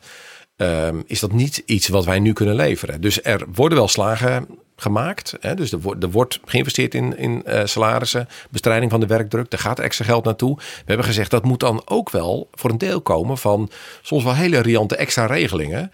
Die niemand anders heeft in deze samenleving, maar leraren wel. Dat ze vroegtijdig met eh, pensioen kunnen gaan en toch wel nou ja, een hele goede regeling hebben. Dat kan ook wel wat kariger. Dat, er, dat het geld wat er is, echt naar het primaire proces gaat, naar de klas. Dus daar hebben we keuzes in gemaakt. Dus ik snap dat er nog geen volle tevredenheid is. Maar je kunt niet zeggen dat er niks gebeurt. Wat vindt u eigenlijk van die staking? Dat die plaatsvindt? Ehm, ja, ah, mijn, mijn droog antwoord is dat is een goed recht. Hè. Er is een stakingsrecht. Het is natuurlijk wel zo dat kinderen eh, kunnen dan niet naar school. Nee. Ouders moeten vrijnemen soms. Ja, en ik vind dat, eh, eh, ik vind dat jammer. Ik vind het niet, we zeggen niet het mooiste middel om je, om je eisen kracht bij te zetten. Eh, omdat het ten koste gaat van kinderen. Omdat je iets niet doet ja, waar, waar, waarvoor je het vak hebt gekozen, namelijk lesgeven. En, eh, dus het, het is inderdaad ook een enorme belasting voor al die eh, gezinnen die dan opvang moeten, moeten zien eh, te regelen.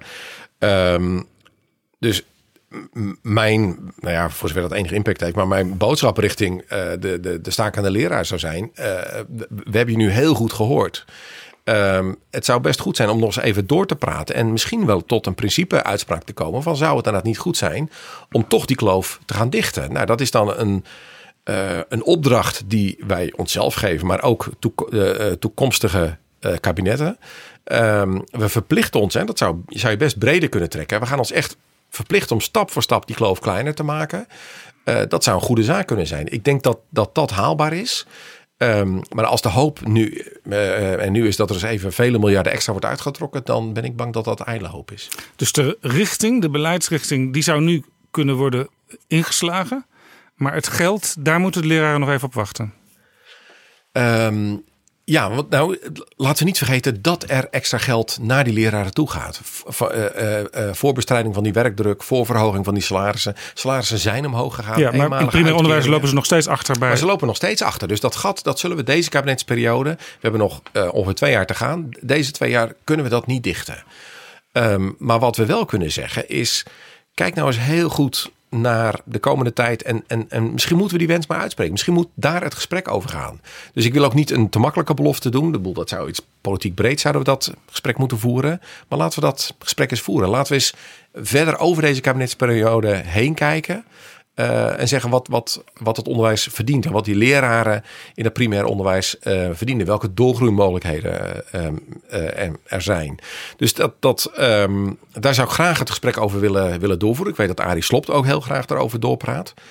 Maar ik kan geen extra miljarden toveren. Zegt u hiermee ook, eigenlijk hoeft die staking niet door te gaan. Ga gewoon nu aan tafel zitten en regel dat. Ja, laten we, laten we alsjeblieft praten. Zolang je praat is er hoop. Is er ook een hoop op, spak- op, op, op, op stappen voorwaarts.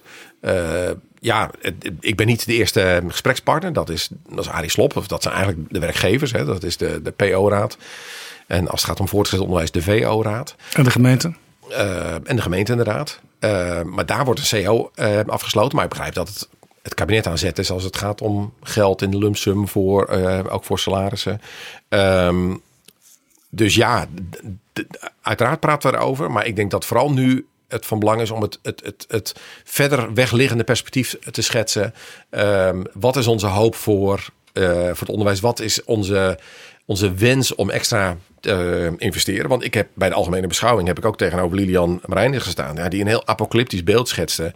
Dat die hele publieke sector in de fik stond. En het onderwijs was, was werkelijk schandalig. En mijn eenvoudige vraag was: en hoeveel heeft de Socialistische Partij precies uitgetrokken in zijn verkiezingsprogramma? En dat was minder dan daar geëist werd. Veel minder. Was veel minder. Nou, niet alleen minder dan wat geëist werd, maar ook veel minder dan wat dit kabinet doet. Dit kabinet doet veel meer dan de SP in zijn verkiezingsprogramma beloofde. Het wa- waren een paar honderd miljoen. Dit kabinet eh, komt met eh, bijna 2 miljard per jaar extra eh, in, in het onderwijs. Ja, nogmaals, dat is echt niet niks.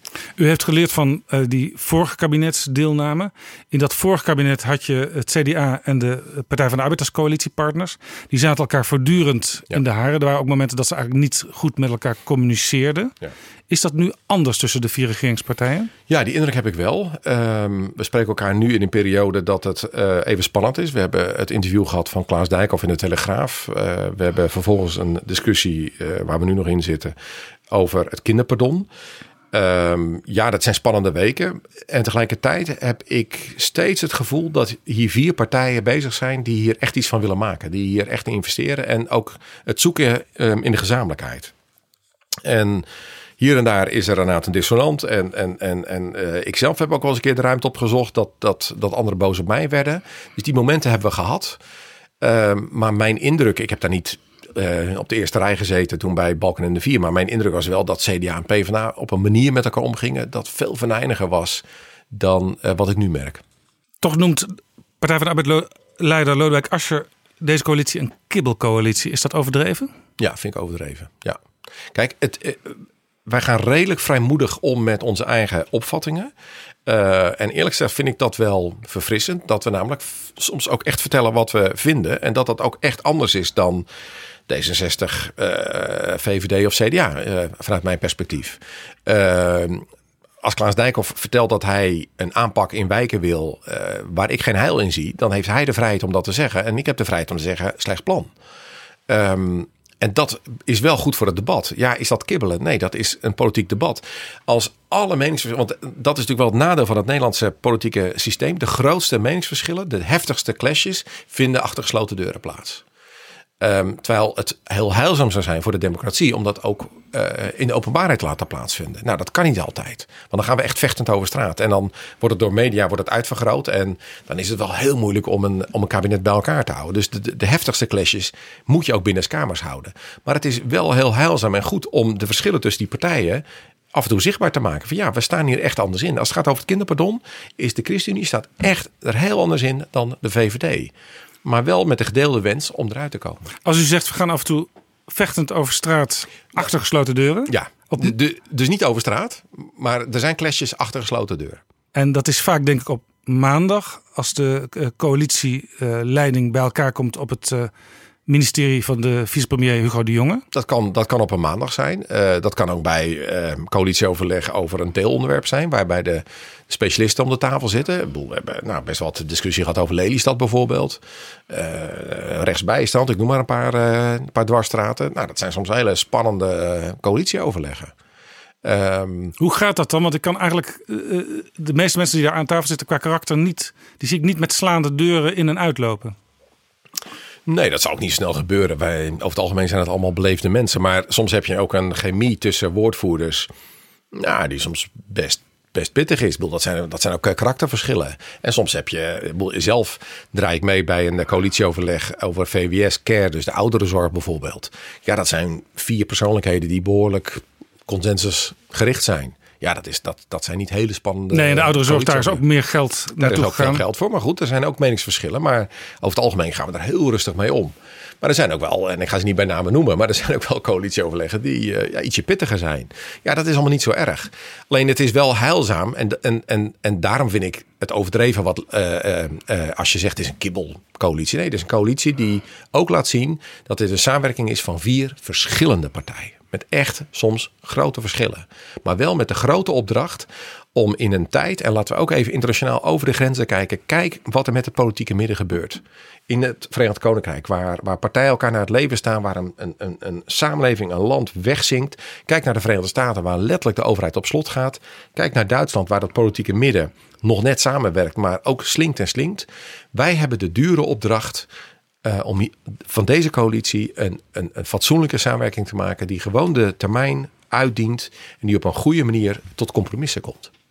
Je moet bij elkaar blijven, want anders krijgen eh, de Geerten en de Cherries te veel invloed misschien. Nou, we hebben verschillende alles of niets partijen. Partijen die zeggen van eh, my way or the highway. Ik moet het voor het zeggen krijgen en, en, en anders doe ik niet mee. Nou, dat is nooit de Nederlandse mentaliteit geweest. Het is altijd geven en nemen geweest. Eh, wij, zijn, er is altijd een, een, een, een plek aan de tafel van de macht geweest voor iemand die kon aanschuiven, meepraten eh, ehm, en meebeslissen. En je ziet nu een, steeds groter wordende ring van partijen die eigenlijk zeggen: Ik heb helemaal geen behoefte om mee te praten. Het is of eh, ik krijg mijn zin, of anders ga ik met mijn rug naar die macht toestaan, of ik steek een middelvinger op. En daarmee verkruimelt er iets. Daarmee gaat er iets kapot in onze Nederlandse samenleving. Waardoor ook die samenwerking in het midden steeds moeilijker wordt. Want ehm, je hebt meer partijen nodig. Je hebt meer overleg nodig. Het wordt moeilijker voor die leiders om een compromis te sluiten. Want achterbannen die zeggen ook... ja, maar luister eens. eh, we hebben toch Geert Wilders die het onversneden geluid... of helemaal aan de andere kant Lilian Marijnissen... die zegt hoe het zit. En jij komt met een halfbakken compromis. Dus het wordt steeds Merkt u moeilijker. dat soms ook bij collega's, bijvoorbeeld bij, bij Klaas Dijkhoff of bij Sibrand Buma, dat die over de schouder kijken eh, naar die rechtspopulistische partijen, omdat ze toch bang zijn dat ze daar kiezers aan Ja, we hebben het er allemaal hebben daar, hebben daar mee te maken. Maar we hebben het Waar, waar, ki- waar kijkt u zelf dan naar? Waar, waar houdt u zelf Wij rekening mee? hebben, wij hebben eh, grensverkeer met elke, met elke partij. Het, het beste wat je kunt doen is heel dicht bij jezelf blijven en je eigen overtuiging en, en, eh, en vooral moedig voorwaarts te gaan en niet veel over je schouder te kijken. Maar je moet wel, en dat is ook wat ik heb geleerd van Balken en de Vier, ehm, heel veel werk maken van die verbinding met je achterban. Dus heel veel uitleggen. Ik sluit nu een compromis, maar dat betekent niet dat ik van mening ben veranderd. Ehm, dus ik kan nu genoegen nemen met een klein stapje de goede richting. Maar dat betekent niet dat ik mijn ideaal opgeef.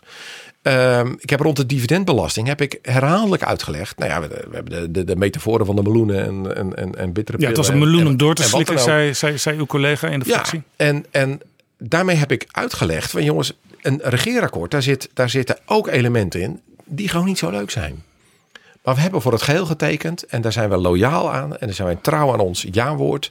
En dat gaan we uitvoeren. Ja, totdat de partijen die het echt wilden en er finaal achter stonden, zeiden van nou, misschien toch niet zo goed, niet zo goed idee. Toen was ik natuurlijk de eerste om te zeggen, jongens, duim omhoog, fantastisch. Ja, dat, maar het begon eigenlijk al eh, toen u in het kabinet stapte met het onderwerp wat nu ook weer heel actueel is. eh, dat kinderpardon. Ja. Want er werd meteen ook op uw congres gezegd, Ja. kunnen we daar toch niet Ja. meer uithalen? Kunnen we dat toch niet Ja. soepeler en barmhartiger maken? En ik heb toen gezegd, dit is een enorme bittere pil. Dit is een bittere pil die we moeten slikken. Want we hebben zo geknokt voor een ruime kinderpardon. En dat lukte niet. Nou, als dan eh, nou, bij de dividendbelasting hebben we gezien dat het toch eh, onze kant op kwam. We hebben dat met loondispensatie. Hè? Dus dat je, dat je eh, arbeidsgehandicapten dat die eh, eh, mindere arbeidsomstandigheden, of nee, mindere betalingen, mindere eh, Minder arbeidsvoorwaarden hebben. inkomsten? Eh, niet, uiteindelijk niet minder inkomsten, omdat ze uit die bijstand komen. Omdat ze uit de uitkering komen en aan het werk gaan. Dus dat was eigenlijk het, het eh, idee. Dat was voor ons ook een beste, beste ingewikkeld. Van, oeh, kunnen we... Maar goed, het was de hoop dat dat extra werk zou opleveren. Nou, toen uiteindelijk Tamara van Ark zei... ik denk niet dat ik het rond kan krijgen dat het gaat lukken. Vond ik het niet erg. Dus dat was een prima stap. Maar Ehm, die, en dividend, dat was die nu- dividendbelasting, ja, daar heeft u eigenlijk zelf, behalve dan er tegen ageren op een vriendelijke manier. Heeft zelf niet de doorslag kunnen geven daar. Dat, dat, Nee. dat was de, eh, het bedrijf zelf zei we blijven, Unilever, we blijven met ons hoofdkantoor in, in, in Londen zitten. En dat gaf voor eh, premier Rutte de doorslag om ermee te stoppen. Ja, zoals bij het kinderpardon eh, de verandering van het CDA opeens een, een, een- gamechanger is. Hè? De opeens aan- van, als die er opeens anders tegenaan kijken, zeggen oeh, we moeten toch eens even naar dat mee. Ja, want plots werden de verhoudingen daarmee in de coalitie anders en daarmee ook in de Tweede Kamer. Ja, en, en dat heropent de discussie. Waarbij ik ook heel goed snap dat de VVD zegt: jongens, het enige houvast wat we hebben is een regeerakkoord. Maar dan is vervolgens de opdracht aan de vier partijen: kun je opnieuw om de tafel zitten en kun je daaruit komen. En nou ja, misschien moet dat met de commissie, misschien moet dat op een ander, eh, eh, ander moment. Dat gaan we zien. Ehm, maar ehm, wat ik bij al die onderwerpen steeds heb aangegeven, is het verschil tussen het compromis wat ik heb gesloten, of soms dat je eh, schikt, eh, nou ja, ergens halverwege gaat zitten, maar iedere keer het verschil heb aangegeven tussen het compromis wat ik sluit en het ideaal wat ik heb, hou, eh, had en nog steeds zal hebben. Dus ehm, het investeren in die achterban en het, en het meenemen van je achterban, dat is steeds belangrijker geworden. Ik, wij hebben geen achterban die blind ChristenUnie stemt. Ik moet iedere verkiezing weer heel hard mijn best doen om die mensen, van die mensen weer het vertrouwen te krijgen. Het is niet zo dat omdat ChristenUnie op sommige terreinen wat, eh, zeg maar wat orthodoxer is dan andere partijen, dat het electoraat ook trouwer is dan bij andere partijen. Nee, nee. Eh, sowieso zal onze ondergrens zal lager liggen dan, dan, dan welke partij in de, in de coalitie ook, omdat we kleiner zijn. Eh, maar nee, wij moeten voor een aantal zetels moeten wij, eh, moeten wij heel hard werken. En terecht, omdat mensen per keer zich afvragen aan wie kan ik mijn vertrouwen geven. En dat is niet eh, gratis. Dat is niet eh, eh, dat ze dat blind aan je geven. Dus dat, daar kijken ze mij in de ogen. Ze kijken ook naar wat ik doe, wat ik met hun stem doe. Dus ik vind dat ik me ook moet verantwoorden als ik met een ideaal de verkiezingscampagne inga. En mijn ideaal is verruiming van het kinderpardon. En het lukt niet, dan moet ik dat uitleggen. Dan moet ik niet zeggen van jongens, dit is een prima compromis. En dit is fantastisch en dit is geweldig. En het is niet mijn nieuwe standpunt. Dus ehm, als je zegt, kijk je om je heen ik kijk niet zozeer naar electorale concurrenten, maar ik kijk wel heel nadrukkelijk naar mijn achterban. En ook dat kan ik meer doen omdat ik in de Kamer zit. En dat was voor André Rauwvoet, namelijk bewindspersoon, eh, vicepremier, ongelooflijk druk ook met het, laten we zeggen, het dagelijkse management in zo'n in zo'n kabinet, was dat ook heel moeilijk. Ik heb daar meer vrijheid voor. Dus ik kan vrijer spreken en ik kan naar die achterban toe uh, en daar veel in investeren. En ook met veel meer vrijheid erover spreken. Ehm, ja, wat, hij, wat hij destijds moeilijk kon. Dus ehm, nou ja, op deze manier ehm, heb ik ook weer geleerd van Balken en de Vier. Ja, dat, nog even dat kinderpardon. Want er is een commissie van Zwol. Die, die kijkt al uh, hoe dat met dat kinderpardon verder moet. Er zijn natuurlijk. Uh, er is een uitspraak van het uh, Europese Hof van Justitie. Dat zegt er moet wat veranderen aan hoe Nederland dat nu toepast. Er is een onderzoek geweest waaruit blijkt dat de psyche van het kind heel erg zwaar te verduren heeft onder het systeem, onder dat al maar wachten en al maar uh, hopen dat het. Dat het en, en ondertussen gaan er nog vriendjes en vriendinnetjes die worden het land uitgezet. Ja. Die commissie van Zwol die komt half juni met een rapport. Nou, in Den Haag is het dan meestal zo dat het dan ook nog even duurt voordat het kabinet met een uh, officieel commentaar komt. En dan zitten we al gauw weer uh, ongeveer op Prinsjesdag. Ja, ik hoop het niet. Ik hoop dat dat echt eerder kan. ik hoop dat het echt eerder kan, want het is het, ook weer een tamelijk overzichtelijk onderwerp. Ehm, dus ik hoop dat er voldoende. Ik heb geen idee waar, waar die commissie mee komt. Maar wat ik echt hoop is dat er ook een balans in zit. Uh, wat we allemaal willen is een verkorting van procedures. Dat mensen sneller duidelijkheid hebben. Mag je hier blijven of moet je weg? Dat helpt ook bij vertrekken. Als je hier vier, vijf jaar bent, is het veel moeilijker om te vertrekken. Als je kinderen, vriendjes en vriendinnetjes hebben. Als je zelf de taal spreekt. Maar dit, dit hoort politici gekregen. al tien jaar zeggen. Van de procedure moet sneller. En waarom zitten we er nog steeds daar tegenaan te hikken? Nou, omdat we natuurlijk ook vormen van rechtsbescherming hebben die, uh, die ons dierbaar zijn. Uh, dus het is nogal wat om aan die rechtsbescherming te zitten. Dus de, de, hoop is wel dat hij met iets kan komen waardoor er sneller duidelijkheid is, maar waar we wellicht ook wat ruimhartiger met dat kinderpardon bijvoorbeeld kunnen omgaan. Of met überhaupt met vreemdelingenzaken. Uh, dus als daar een balans in zit, die ook in de coalitie zit, hè, als het naar twee kanten toe uh, een verhaal is wat, wat, wat sterk is, dan zou het ook een gezamenlijk verhaal kunnen zijn. Dus hé, hey, maar dan kunnen we echt in de gezamenlijkheid een stap zetten. Ik hoop dat het lukt, maar dat weet ik natuurlijk niet. Nou, nou zeggen de coalitiepartners, die zeggen tegen de VVD, uh, stop even met uitzetten, want we gaan het misschien straks wel helemaal op een andere manier doen. Uh, maar de VVD zegt, ja, wij voeren het regeerakkoord uit. En Mark Harbers, de staatssecretaris, die zegt, uh, ik kijk er zorgvuldig naar. Ja. En ja, ik kijk er zorgvuldig naar. Dat is op zich natuurlijk prettig dat hij dat zegt. Uh, maar dat is hem ook geraden natuurlijk. Dat, dat, dat, dat moest hij een jaar geleden ook al doen. Ja. Um, ja, maar de vraag wordt ook gesteld. Hè? Dus kijk er zorgvuldig naar tegen de achtergrond van nu een aantal extra wensen die we bij de commissie van Zwol neerleggen. Naar uh, uh, een, een mogelijke herziening van het meewerkcriterium. Uh, en goed, wij hebben dit gesprek op een moment dat het nog niet beslecht is. Dat ik ook niet weet waar het precies gaat landen. Um, dus wat wij hebben gezegd als ChristenUnie is... als je nou inderdaad die discussie gaat krijgen... en je zegt heel nadrukkelijk... we leggen iets neer op het bordje van de commissie van Zwol. Wij willen daar advies over. We gaan wellicht kijken naar dat meewerkcriterium. Dat betekent dat er een aantal uh, uh, uh, gezinnen in een schemengebied zitten... waar je zegt van nou, dat zou nog wel eens de vraag kunnen zijn... of die uitgezet moeten worden of niet dan zou ik het onrechtvaardig vinden en, en moeilijk te begrijpen dat je die gezinnen wel gaat uitzetten. Dus daarvan heb ik gezegd van ga daar dan inderdaad verstandig mee om.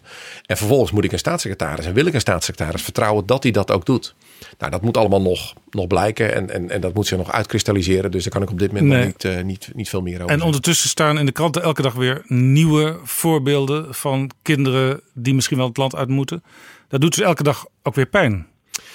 Ja, maar ik kan niet eh, eh, ieder gezin in ieder geval goed beoordelen. Dus ik, ik, eh, ik kan niet beoordelen of dat alleen vastzit op dat meewerkcriterium. Of dat er veel andere omstandigheden. Kijk, als er identiteitsfraude heeft plaatsgevonden. Als het verhaal niet klopt. Als nou ja, zo'n verhaal rammelt en zegt... ja, maar dit is op ondeugdelijke gronden is dit verzoek ingediend. En op goede manier en op deugdelijke gronden is het verzoek afgewezen.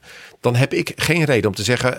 zet u deze gezinnen maar niet uit. Dus dat kan ik ook niet vragen. Dat vraag ik ook niet. Dus wat ik vraag is, is dat er gezinnen zijn die, die op een manier zijn, zijn, zijn behandeld of beoordeeld. We zeggen van, hé, hey, maar misschien met terugwerkende kracht kijken we daar een tikje anders tegenaan. Ja, dat zou ik lastig vinden als die gezinnen zouden worden uitgezet. In de kabinetsformatie ja, was dit een zwaar punt voor u. U zei al bittere pil. Een van uw fractieleden, Joël Voor de Wind, heeft in de formatie nog... Ja, die had er zoveel moeite mee dat, hij, dat er zelf even de vraag was... kan ik dit nog wel Ja. meemaken? Nu was Joël Voor de Wind natuurlijk heel erg blij... met dat, die draai van het CDA, in positieve zin. Eh Joël Voor de Wind loopt nu eh, ja, yes we can roepend door de wandelgangen hier op het Nou, dat Binnenhof. hoeft hij niet, maar... Ik, heb de klas, eh, ik las het in, in een van de kranten. Deze week. Denkt u wel eens, ja, hij is nu enthousiast en dat is mooi, maar kan ik hem op het goede moment ook binnenboord houden? Want Daar heb ik nooit, daar heb ik nooit aan getwijfeld. Ik heb, eh, we hebben, eh, we kunnen nu alweer anderhalf jaar na, eh, naar dato terugblikken op de kabinetsformatie. Dus naarmate die tijd voordat kan ik met meer vrijheid erover spreken. We hebben toen, en ik geloof dat een NRC-journalist eh, vanuit door een ruitje meekeek en dat tafereel heeft, heeft, heeft beschreven. We hebben toen in een kerk gezeten. We hebben toen bladzij voor bladzij, paragraaf voor paragraaf dat regeerakkoord doorgenomen. En dit was bij far het moeilijkste punt. Ja. dit was echt, en het was ook voor Joel was dat heel zwaar. Die journalist die dacht allerlei dramatische tafereelen te zien. Dat Carola Schouten die beende driftig heen en weer. Die was aan het bellen en nou, het zag er allemaal heel dramatisch uit. In werkelijkheid was zij aan het bellen met haar zoon. eh, en gaf zij instructies hoe hij de macaroni moest opwarmen in, de, in de magnetron. Dus soms zien journalisten ook veel meer dan, eh, eh, dan wat er werkelijk gaande is. Maar dat de terzijde. kabinetsformatie was bijna vastgelopen op de magnetron van Carola Schouten.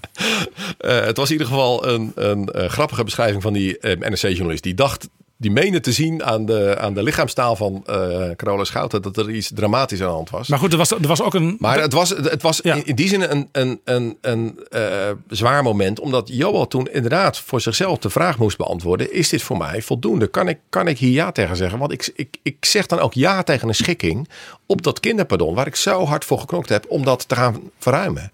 Dus ik heb ook één op één heb ik met hem eh, gezeten. En, ehm, en dat was een zwaar moment. En wat voor mijzelf dan ook, en dat was voor mijzelf ook een zwaar moment. En, en wat wij toen hebben gezegd, wat de maatstaf is, is er op de een of andere manier een route denkbaar eh, eh, in de Kamer.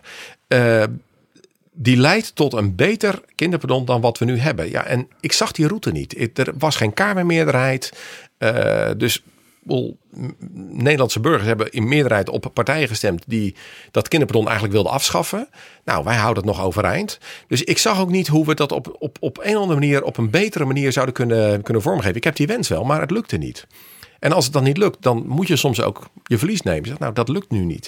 Ik heb toen wel tegen hem gezegd, Joel, ik ga met jou, gaan wij ook naar die kinderen toe die het, die het betreft.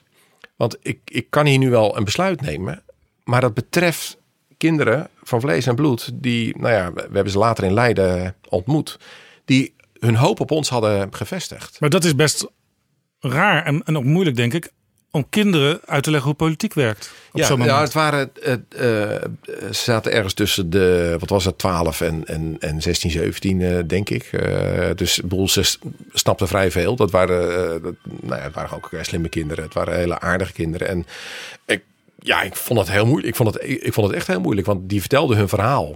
Die vertelden hoe lang ze hier al waren.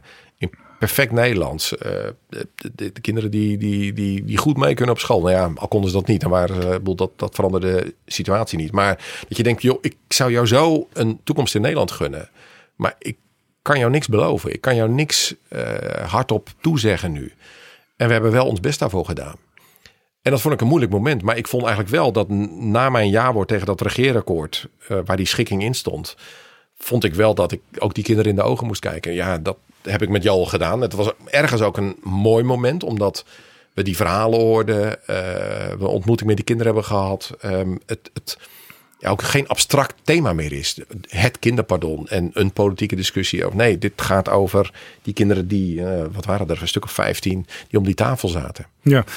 U zei het al, in dit gesprek zitten we op een lastig moment, want er wordt in de coalitie over gesproken. Maar het kan natuurlijk ook zo zijn dat de woorden van Mark Harbers, die deze week al uitsprak in de Kamer, eh, namelijk ik ga er zorgvuldig mee om, ik laat die commissie zijn werk doen, ik ben blij met elke suggestie voor verbetering van het systeem. En dat gaan we straks allemaal bekijken. Ja, dat dat u toch eerst naar halverwege de maand juni brengt en vervolgens pas na het Kamerreces tot een echt oordeel en een Kamerdebat. Ehm, ja, ik hoop dat dat, dat dat eerder kan. Ik hoop dat er eerder, ehm, eh, eerder duidelijkheid is, maar ik, ik, ik, ik weet dat niet. Nee. Ik heb geen idee waar de commissie van Zwol mee komt. Of dat voldoende handvatten biedt om eh, inderdaad tot zo'n afgewogen nieuwe stap te komen.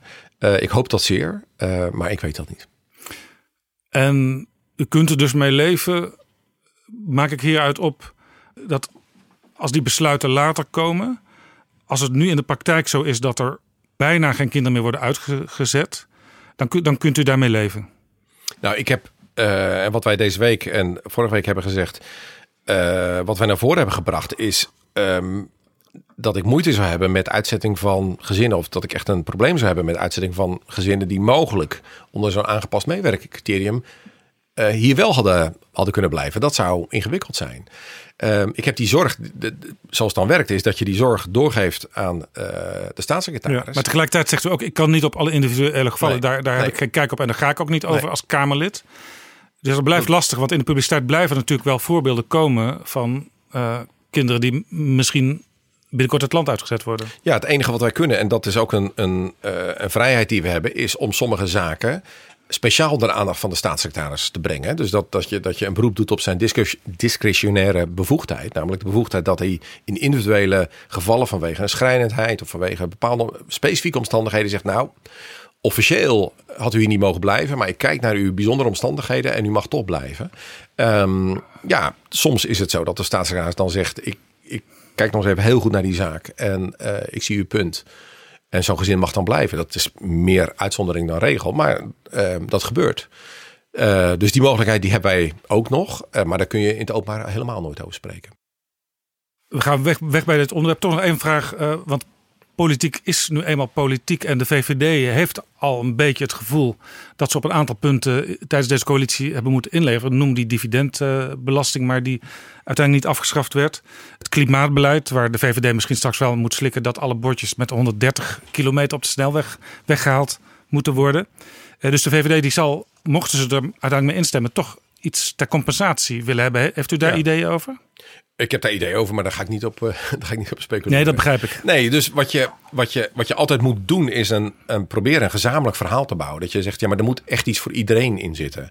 Je kunt niet alleen maar het jouw kant op laten komen. Nee, in een, in een coalitie moet je iedere keer kijken, zit er voldoende voor al, al, al die vier partijen in? Iedereen zal uiteindelijk met een verhaal moeten komen richting zijn kiezer, richting zijn achterban en zeggen, ja, maar wij hebben dit kunnen bereiken. Natuurlijk zat er iets ook iets tussen wat we hebben moeten slikken. Maar er moeten ook goede verhalen zijn. Ja, en die, en die balans die, die, uh, die moet er ook voor de VVD zijn.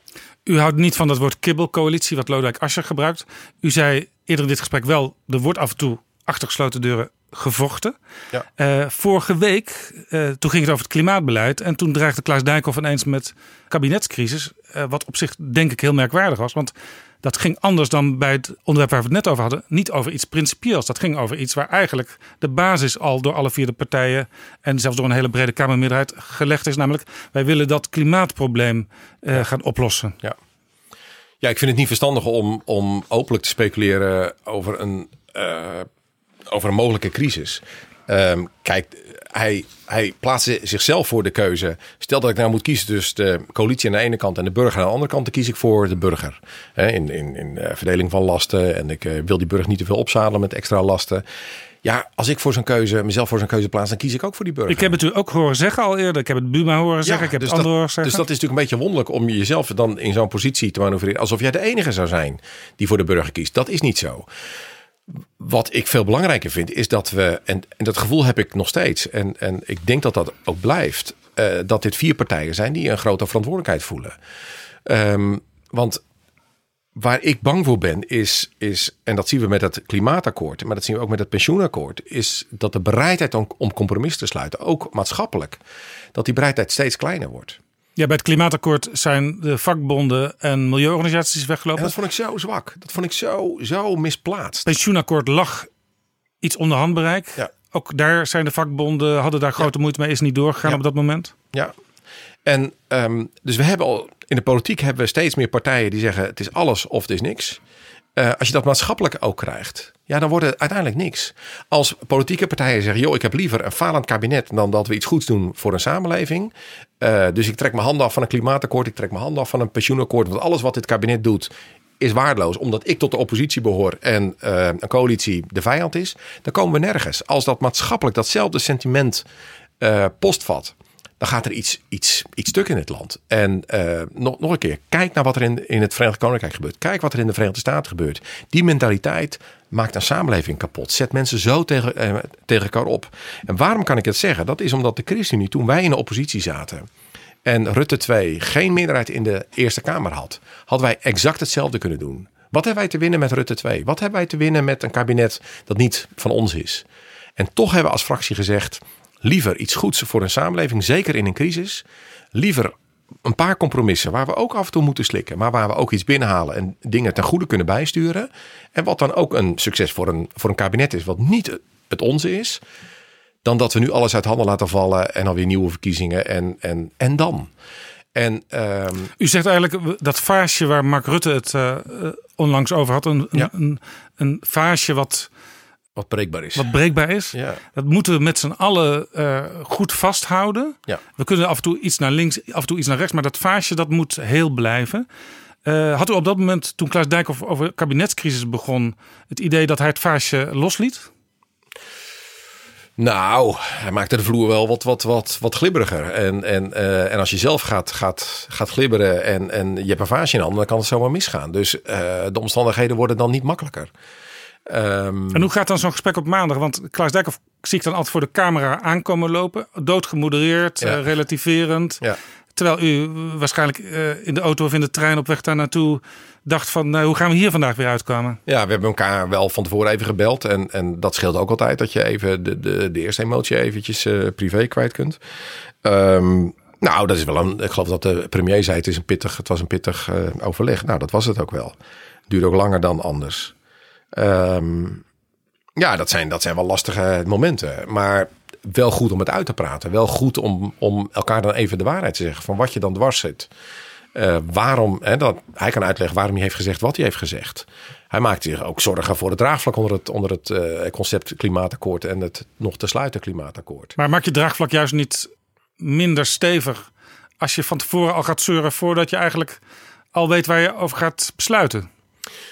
Nou, hij maakte dat concept klimaatakkoord veel kleiner dan het was. Want er is natuurlijk heel veel opgeleverd door die, door die tafels.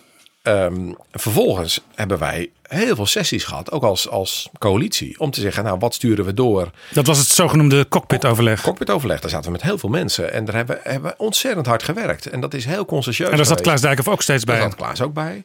Ehm, dat is nog geen finaal klimaatakkoord. Want we willen echt nog weten, wat doet dat met de koopkracht? Wat vragen we van mensen? Wat vragen we van bedrijven? Dat moet rechtvaardig zijn.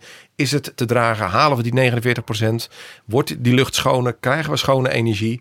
Dus dat zijn allemaal hele grote vragen... waar we nog de antwoorden op moeten krijgen. Maar je kunt niet zeggen dat... dat nou, wat willekeurige suggesties waren van tafels die we nou eens eventjes eh, nog helemaal blanco gaan, gaan beoordelen. Nee, we zijn er al volop mee bezig. Ehm, dus die voorstelling die was niet helemaal terecht. Wat ik wel snap is dat hij duidelijk wilde maken dat er nog geen klimaatakkoord is. Want we hebben ook de berichtgeving van de Telegraaf gezien. Tot en met een, een, een aandoenlijke foto van een meneer die twee gehaktballen omhoog houdt. En zegt van het klimaatakkoord mag ik nog maar twee gehaktballen per week. Komt dat er ook nog Dat staat, bovenop? nergens, dat staat nergens in het klimaatakkoord. En er is nog geen klimaatakkoord. Maar we zijn wel stappen aan het zetten richting een klimaatakkoord. En dat gaat er komen. Nou, dan is zo'n interview, ja, goed, daar, daar heb ik al eh, genoeg over gezegd. Dat, dat, dat helpt niet. Maar wat ook niet helpt, is een groene beweging of een groene coalitie en de vakbond die dan wegrent voordat er finale keuzes zijn gemaakt. We hebben nog geen finale keuzes gemaakt. En, en in, over dat klimaat, daar maak ik me hele grote zorgen over. En dat, dat, nou ja, dat heb ik ook in eh, gesprek met Natuur en Milieu en, en eh, Greenpeace eh, heb ik het ook gezegd, jongens, ik vind het onverantwoord. Echt Ja, onverantwoord. u, wat u je- neemt hun, dat dus zeer kwalijk. Ja, ja. Ehm, neemt u het ook de partijen in de Tweede Kamer kwalijk, zoals de Partij van de Arbeid, die toch ook een bestuurlijke traditie heeft, zoals GroenLinks, die toch ook regelmatig laten weten wij willen meegaan regeren, dat die nu ook steeds richting uw coalitie eh, roepen van ja, maar als jullie dit niet doen, dan kunnen jullie Ja. alles, al het andere ook wel vergeten straks. Ik denk dat we al die eisen die we nu de afgelopen maanden van ze te horen hebben gekregen. Dat geldt zowel voor GroenLinks als PvdA. SP die, die, die doet sowieso niet mee, lijkt wel. Als je nou al die, al die eisen zou, ehm, zou optellen. Ik, ik, ik geloof dat we weinig eh, manoeuvreerruimte meer hebben. Als we, als we al die eisen moeten, moeten inwilligen. Iedere week komt er een nieuwe eis bij. Als jullie dit niet doen, dan gaan wij niet meewerken. Ja, dat is ook een manier van overtoepen. En een manier van, van aandacht krijgen. Maar wat je creëert is een klimaat Ehm, waarin het hoogste doel is om aan te tonen dat dit kabinet allemaal niet deugt. Eh, dat je liever een falend kabinet hebt, liever politieke impasse. Eh, dan bijvoorbeeld een werkend pensioenakkoord of dan een klimaatakkoord dat ons verder helpt. Ehm, ik maak me daar zorgen over. Dus Vindt, het- vindt u hun opstelling maatschappelijk en politiek onverantwoord?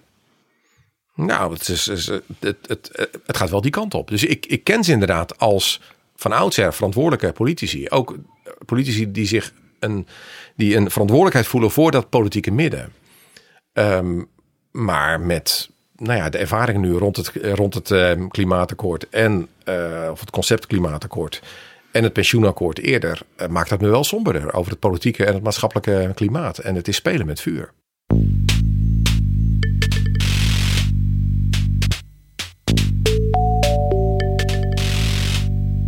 Dit is Jaap Jansen met Betrouwbare Bronnen.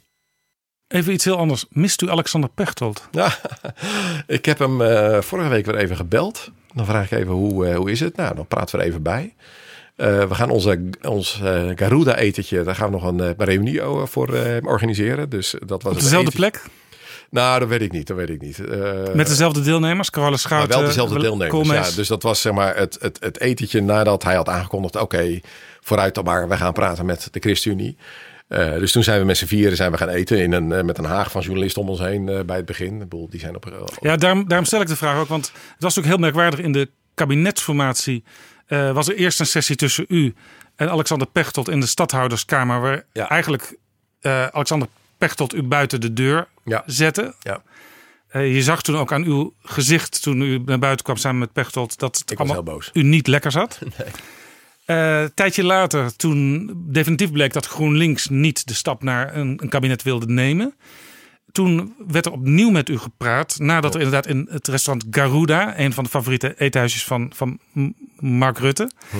Eh, maar door Alexander Pechtold eh, en u en Wouter Koolmees en Carola Schouten Indisch gegeten werd. Ja.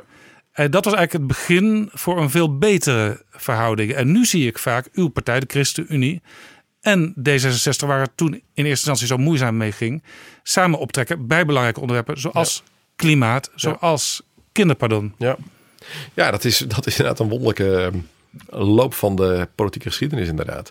Nee, want nadat, na die clash in de stadhouderskamer en eh, nou ja, dat we zeiden, jongens, dit is geen basis, wij gaan niet praten. En toen hij dus na, toen eh, dat zogenaamde motorblok eh, voor de tweede keer met GroenLinks ging praten. Ja, toen heb ik voor mezelf dacht ik, dit komt nooit meer goed. Dit is, nu voel ik me zo ontzettend gepiepeld en, en figureren in een heel slecht toneelstuk. Had gewoon tegen me gezegd, joh, ik heb er geen zin in.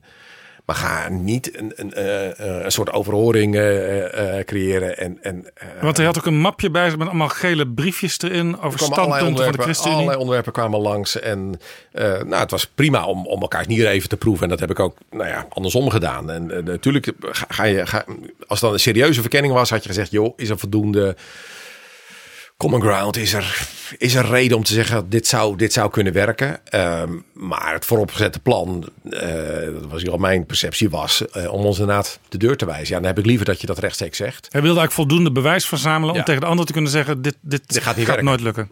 En eh, als je gewoon had gezegd, joh, we zijn nog niet uitgepraat met GroenLinks, had ik, had ik gesnapt. En ik vind het lastig met, met jullie. Prima. Dat is een volstrekt legitieme keus. En hoe verklaart u dan dat het nu eigenlijk zo goed gaat tussen uw beide partijen? Ehm, ja, wat, wat ehm, in het oog sprong toen, en, en nou ja, waar, waar we soms nog wel tegen, eh, tegenaan lopen, is dat er ook onderwerpen zijn waar de afstand heel groot is. Bijvoorbeeld medische ethiek. Dat denken we echt heel verschillend. Ehm, maar daar hebben we toch een modus. En juist omdat we daar heel intensief over hebben gesproken. Het zijn soms hele spannende eh, gesprekken geweest. Ook momenten dat ik dacht van dit, dit, dit komt niet meer goed. Ehm, Dat gaat dan bijvoorbeeld over voltooid leven. Voltooid leven, wat, bijvoorbeeld, Wat, wat ja. gebeurt er als Ja. iemand aan het eind van zijn leven ja, de energie niet meer heeft, eh, misschien heel veel pijn heeft? eh, Nee, pijn niet. Eh, dat is het punt. Want dan, dan kun je zeg maar nou ja, richting de, de, de al bestaande euthanasiewet. maar in ieder geval je- denkt, het is over. wat, wat, is voorbij. wat moet ik hier Ja, nog? Ik, eh, ik heb er genoeg van. Ja, ik heb een mooi leven gehad, maar Mijn leven heeft geen zin meer. Ja. En ehm, ja, voor mij is dan het antwoord niet van hier heeft u een pil en maak maar een einde aan. Voor mij is dan, ehm, als, u als u denkt dat uw leven geen zin heeft, ja, dan, dan, dan, dan moeten wij dus beter ons best doen om u er wel bij te betrekken. Moeten wij ervoor zorgen dat het leven wel de moeite waard wordt in uw beleving. Maar goed, dat is een inhoudelijke discussie. Maar goed, af en toe dan merk je bij dat soort onderwerpen, er zijn hele fundamentele, principiële verschillen. Ehm, maar misschien wel juist omdat we ook daarin hebben geproefd. Ja, maar het gaat uiteindelijk terug naar een hele diepe overtuiging aan beide kanten. Ehm, en dat zijn partijen die ook echt iets willen. Zowel D66 als de ChristenUnie zijn niet primair opgericht als een soort machtspartij, volkspartij, die heel erg breed in het midden alles en iedereen op, op eh, probeert te slokken en een soort speelfunctie eh, probeert te hebben. Maar het zijn, zijn, zijn emancipatiepartijen geweest. Het zijn idealistische partijen, zijn we nog altijd. Omdat de partijen zijn die iets willen. Is er ook ergens in, in een, een soort spiegelbeeldige herkenning in elkaar? Hoewel de idealen zo verschillend zijn, is er ook wel iets van herkenning. Maar diezelfde gedrevenheid zie je dus ook als het gaat om duurzaamheid bijvoorbeeld. Inderdaad, om van hoe kunnen wij ervoor zorgen dat die opwarming van de aarde, dat de, de, de, het omschakelen naar schone energie, dat we daar echt werk van, van maken. Dat is hier eenzelfde gedrevenheid, wat opeens parallel loopt. Ja, en dat is wel heel prettig en, en mooi om dat te ontdekken. En wat is eigenlijk de, de, de, de modus nu voor die medisch-ethische onderwerpen? Want bij voltooid leven, dat, dat is een tijdje vooruitgeschoven, hè? Ja, daar hebben we gezegd, er hebben we ook echt nog meer onderzoek nodig, omdat we moeten weten, wat is nou die vraag achter de vraag? Dus er zijn mensen die zeggen, nou, ik, ik, ik, eh, voor mij hoeft het niet meer. Wat zit er nou achter? Wie, wie, wie zijn die mensen? Hoe groot is die groep? Daar wordt nu onderzoek naar gedaan, dus er is ook nu eh, onderzoekers zijn. eh, Dus, dus u zegt gevraagd. ook, en D66 zegt ook, wij zijn bereid om nieuwe inzichten tot ons te laten doordringen. Uiteraard. Ik, ik kan ook niet zeggen dat wij met eh, eh, betere hulp, betere zorg, alle eenzaamheid kunnen oplossen. Dat wij mensen een heel fijn en gelukkig leven. Ik bedoel, de overheid kan dat niet garanderen. Dus ik kan dat ook niet garanderen. Niet alle vormen van eenzaamheid zijn weg te nemen. Ehm, alleen ik denk dat wij nog veel meer ons best moeten doen. En daar zijn we wel volop mee bezig. En daar vonden we elkaar ook. Dus wij hebben toen een manifest opgesteld. Waardig ouder worden. Samen met Jan Slachter van Max. En de mensen van eh, KBO, PCOB, de ouderenbonden. Ehm, en dat heeft D66 ook ondertekend. Die hebben gezegd, oké, maar, maar daar willen we wel aan meedoen. Aan die, aan die betere zorg en die bestrijding van eenzaamheid. En daar is Hugo de Jonge nu volop mee bezig. Dus daarin hebben we elkaar alweer ehm, gevonden. En ehm, uiteraard wil ik iedere keer nadenken, maar wat is dat dan? Wat is die vraag dan? Maar ik vind het nog altijd niet voor te stellen dat ik dan zeg, ja, maar hier heeft u een pil. Ehm, Nou, er komt natuurlijk wel in- ook in deze coalitie een moment dat eh, D66, Pia Dijkstra met name, eh, weer met voorstellen gaat komen.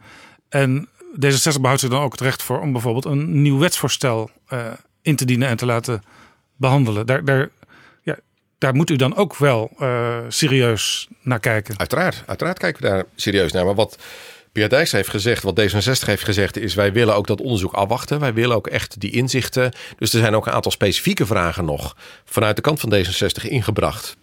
Die eh, ook nog onderzocht gaan worden.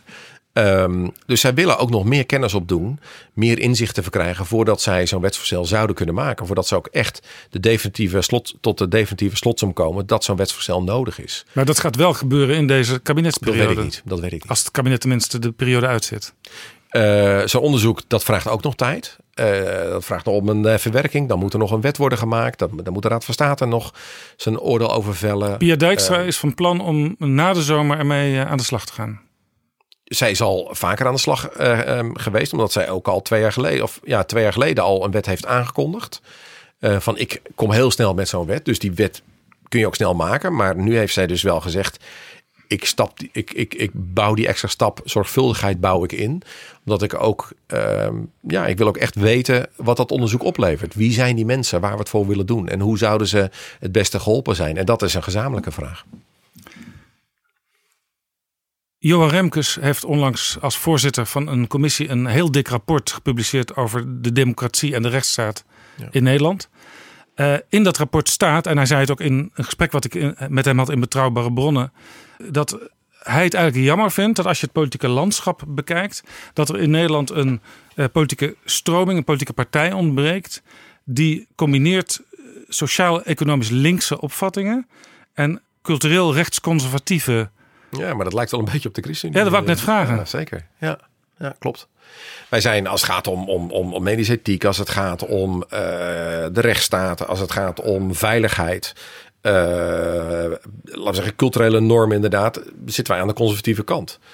Terwijl als het gaat om zorg voor kwetsbare mensen, zorg voor eh, mensen die het minder hebben, als het gaat om zorg voor de schepping, wat wij noemen, hè, klimaat, dus, nou ja, dan zou je ons aan de progressieve kant kunnen plaatsen. Dus, die, die, dus wij, wij combineren dat eigenlijk. Ja. Eigenlijk zegt Remkes, eh, als zo'n partij er echt op die manier werk van zou maken, eh, zou je misschien wel 15, 20 procent van de stemmen kunnen krijgen. Nou, wat ik regelmatig hoor, is dat mensen bij de ehm, kieswijzer bij ons uitkomen. eh, of zeggen, joh, er zijn heel veel redenen waarom ik ChristenUnie zou kunnen stemmen.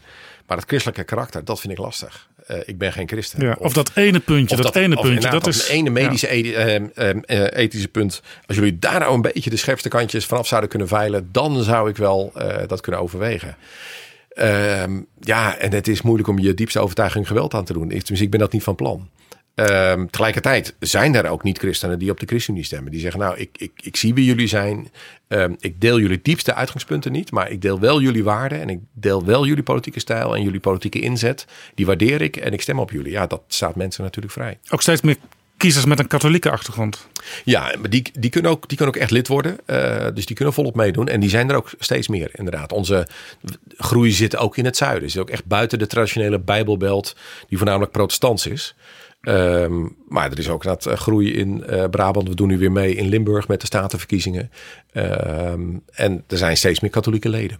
Toen ik de journalistiek inging, toen eh, hadden we het vaak over klein rechts. En daar werd, Ja. werden dan de voorlopers van de ChristenUnie mee bedoeld, plus de SGP. Ja. Dat kun je nu al lang niet meer zeggen, denk ik. Hoe is uw relatie met de SGP?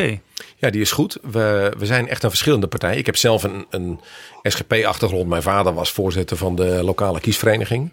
Eh, dus het was een soort van vanzelfsprekende keuze eigenlijk dat ik bij de SGP zou uitkomen.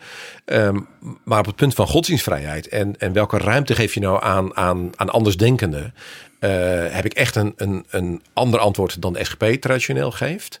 Dus ik ben geen SGP'er. Ehm ik vind bijvoorbeeld ook de inzet voor duurzaamheid, voor eh, zorg voor de schepping. Veel ambitieuzer. Dat is echt een. we- De, ChristenUnie is echt een groene partij. Daar voel ik me zeer bij thuis. Omzien naar kwetsbaren, dat is ook iets wat waar ons, waar ons hart klopt. Dus ehm, ik heb die overstap toen gemaakt en ik heb daar nooit, nooit spijt van gehad. Tegelijkertijd is er ook herkenning, omdat wij een partij willen zijn die, wat wij dan zeggen, bij een open Bijbel politieke keuzes maakt. Ja, dat willen zij ook. Ehm, eh, persoonlijk is er gewoon ook verwantschap. Ik bedoel, het zijn gewoon prettige collega's. We zitten naast elkaar. Kees van der Staaij is een, een prettige collega waar ik heel open mee kan spreken. Waar ik af en toe koffie mee drink. Dus die verhouding is heel goed. Nou, nou is die Bijbel natuurlijk een mooi en ook belangrijk boek, maar je kunt ook heel veel dingen verschillend interpreteren. Toen eh, onlangs Kees van der Staaij die Nashville-verklaring ondertekende, Ja. waar toch een aantal ja, en, eh, voor, eh, voor heel veel mensen niet prettige dingen in stonden. Nee. Over bijvoorbeeld eh, homoseksualiteit en of je dat wel of niet kunt uiten en, en wat dat Ja. verder betekent voor je, voor je persoonlijke en maatschappelijke positie. Toen, toen reageer- reageerde u daar bijzonder fel op, viel mij op. Ja. ja, ik heb daar afstand van genomen. Ik heb gezegd, ik, ik onderteken hem niet. Omdat het homo's niet helpt. Het, het- ik heb gezien wat voor pijn dat ook homo's heeft opgeleverd.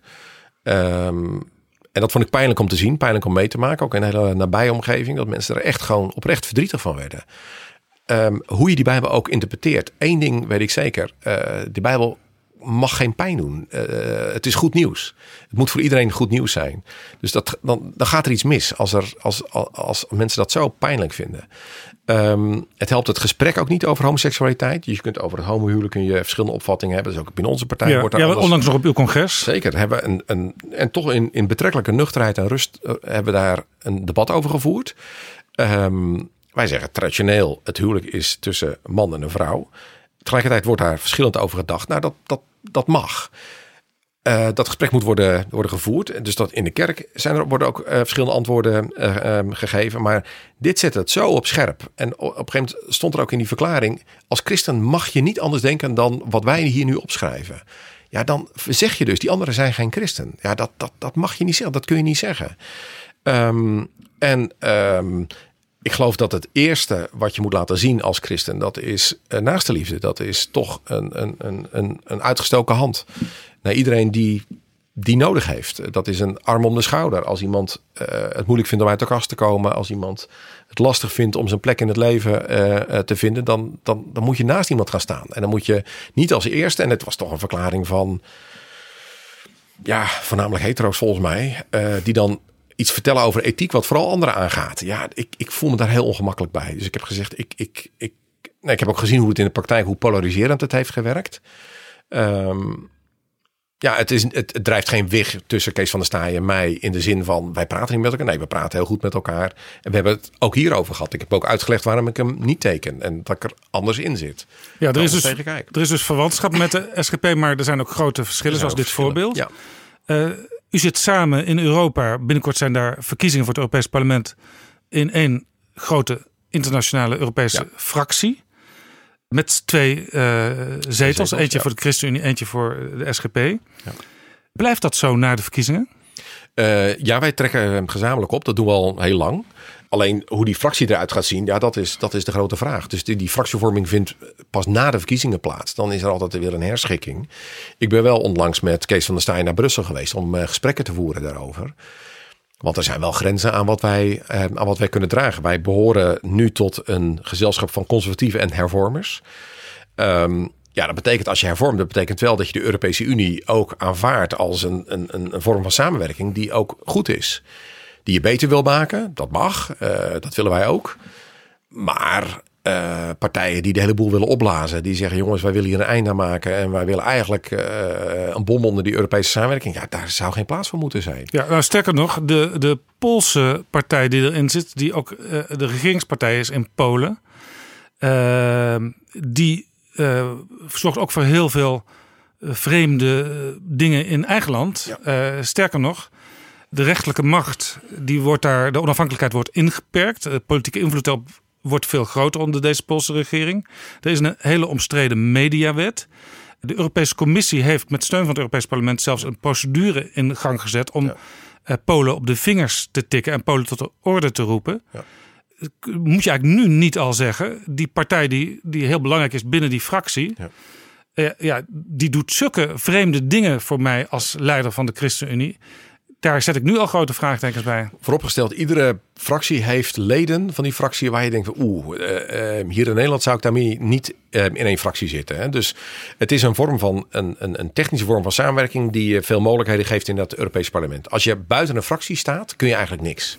Dus je hebt een fractie nodig. Dus het is altijd even zoeken van, nou ja, waar kunnen we ergens onze plek vinden? Ja, het is technische samenwerking, maar die samenwerking zorgt er wel voor dat Peter van Dalen, uh, uw ChristenUnie-man in Europa, dat hij vooraan ook in het parlement mag zitten als vicevoorzitter van ja. uh, die fractie. Dus die samenwerking, dat begrijp ik ook wel, want je hebt, je hebt macht, je hebt massa nodig in zo'n ja. parlement. Ja. Dus je werkt met heel de conservatieven, de Britse conservatieven zitten nu ook nog in die fracties.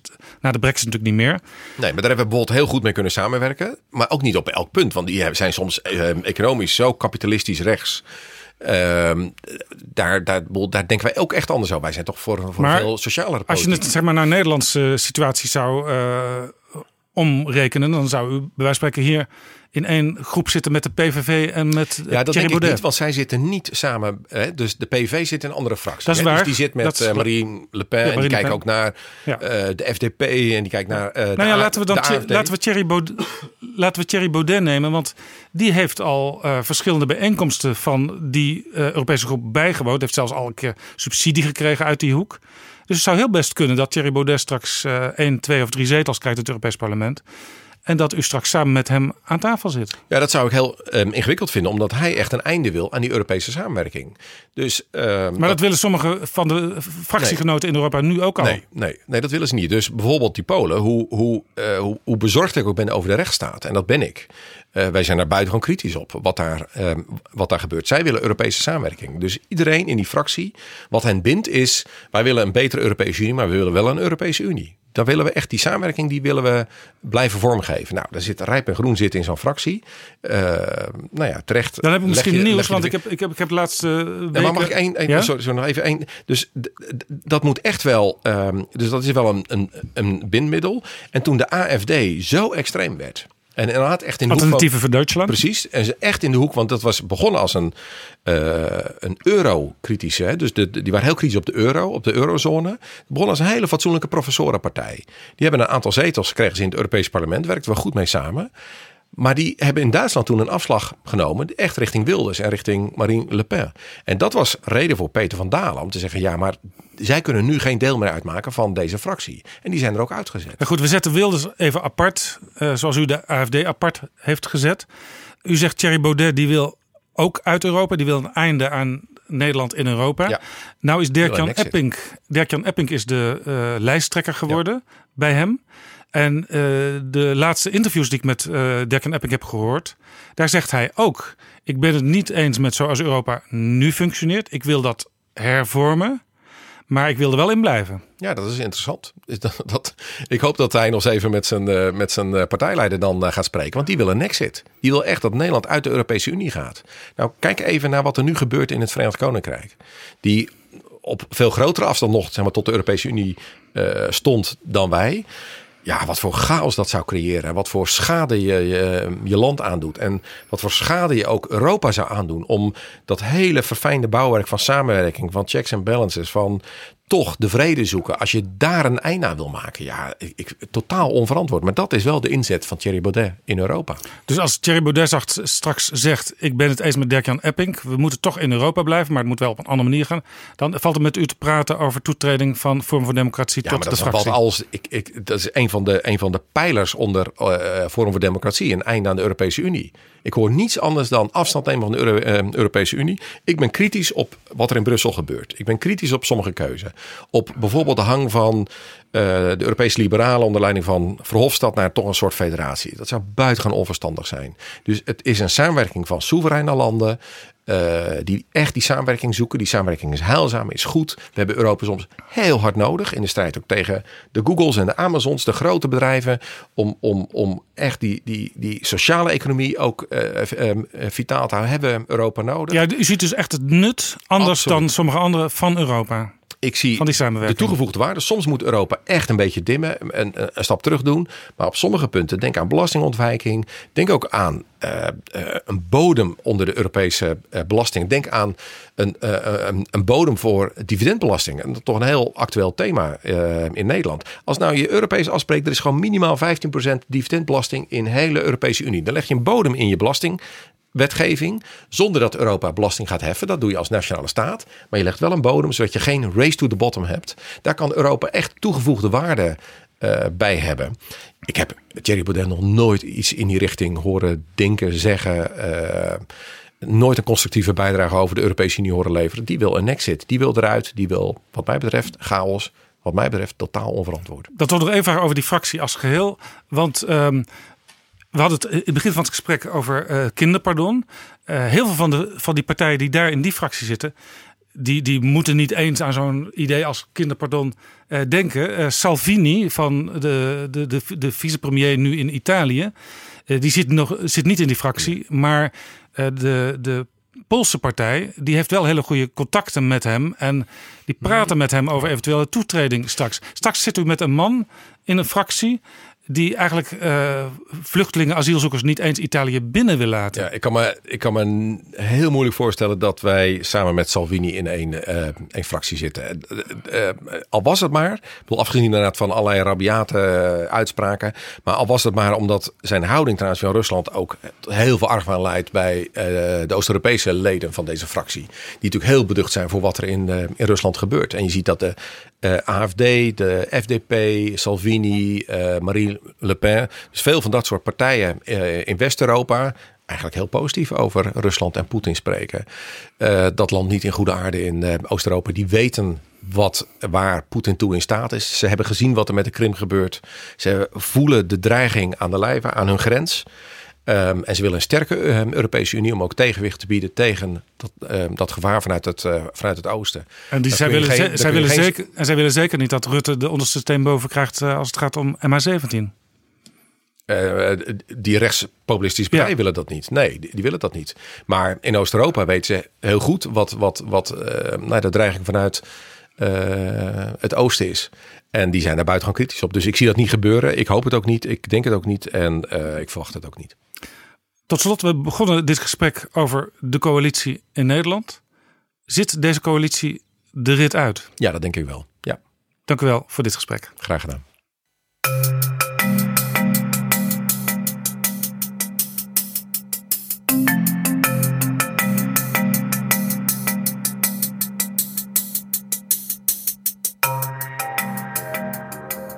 Zo, dit was aflevering 21 van Betrouwbare Bronnen. Vond je het interessant? Laat het dan weten, bijvoorbeeld op Twitter. En nieuws, we hebben nu ook een Facebook-pagina. Ook al zijn we het, net als sommige van onze luisteraars, niet altijd eens en ook niet altijd blij met wat Facebook doet.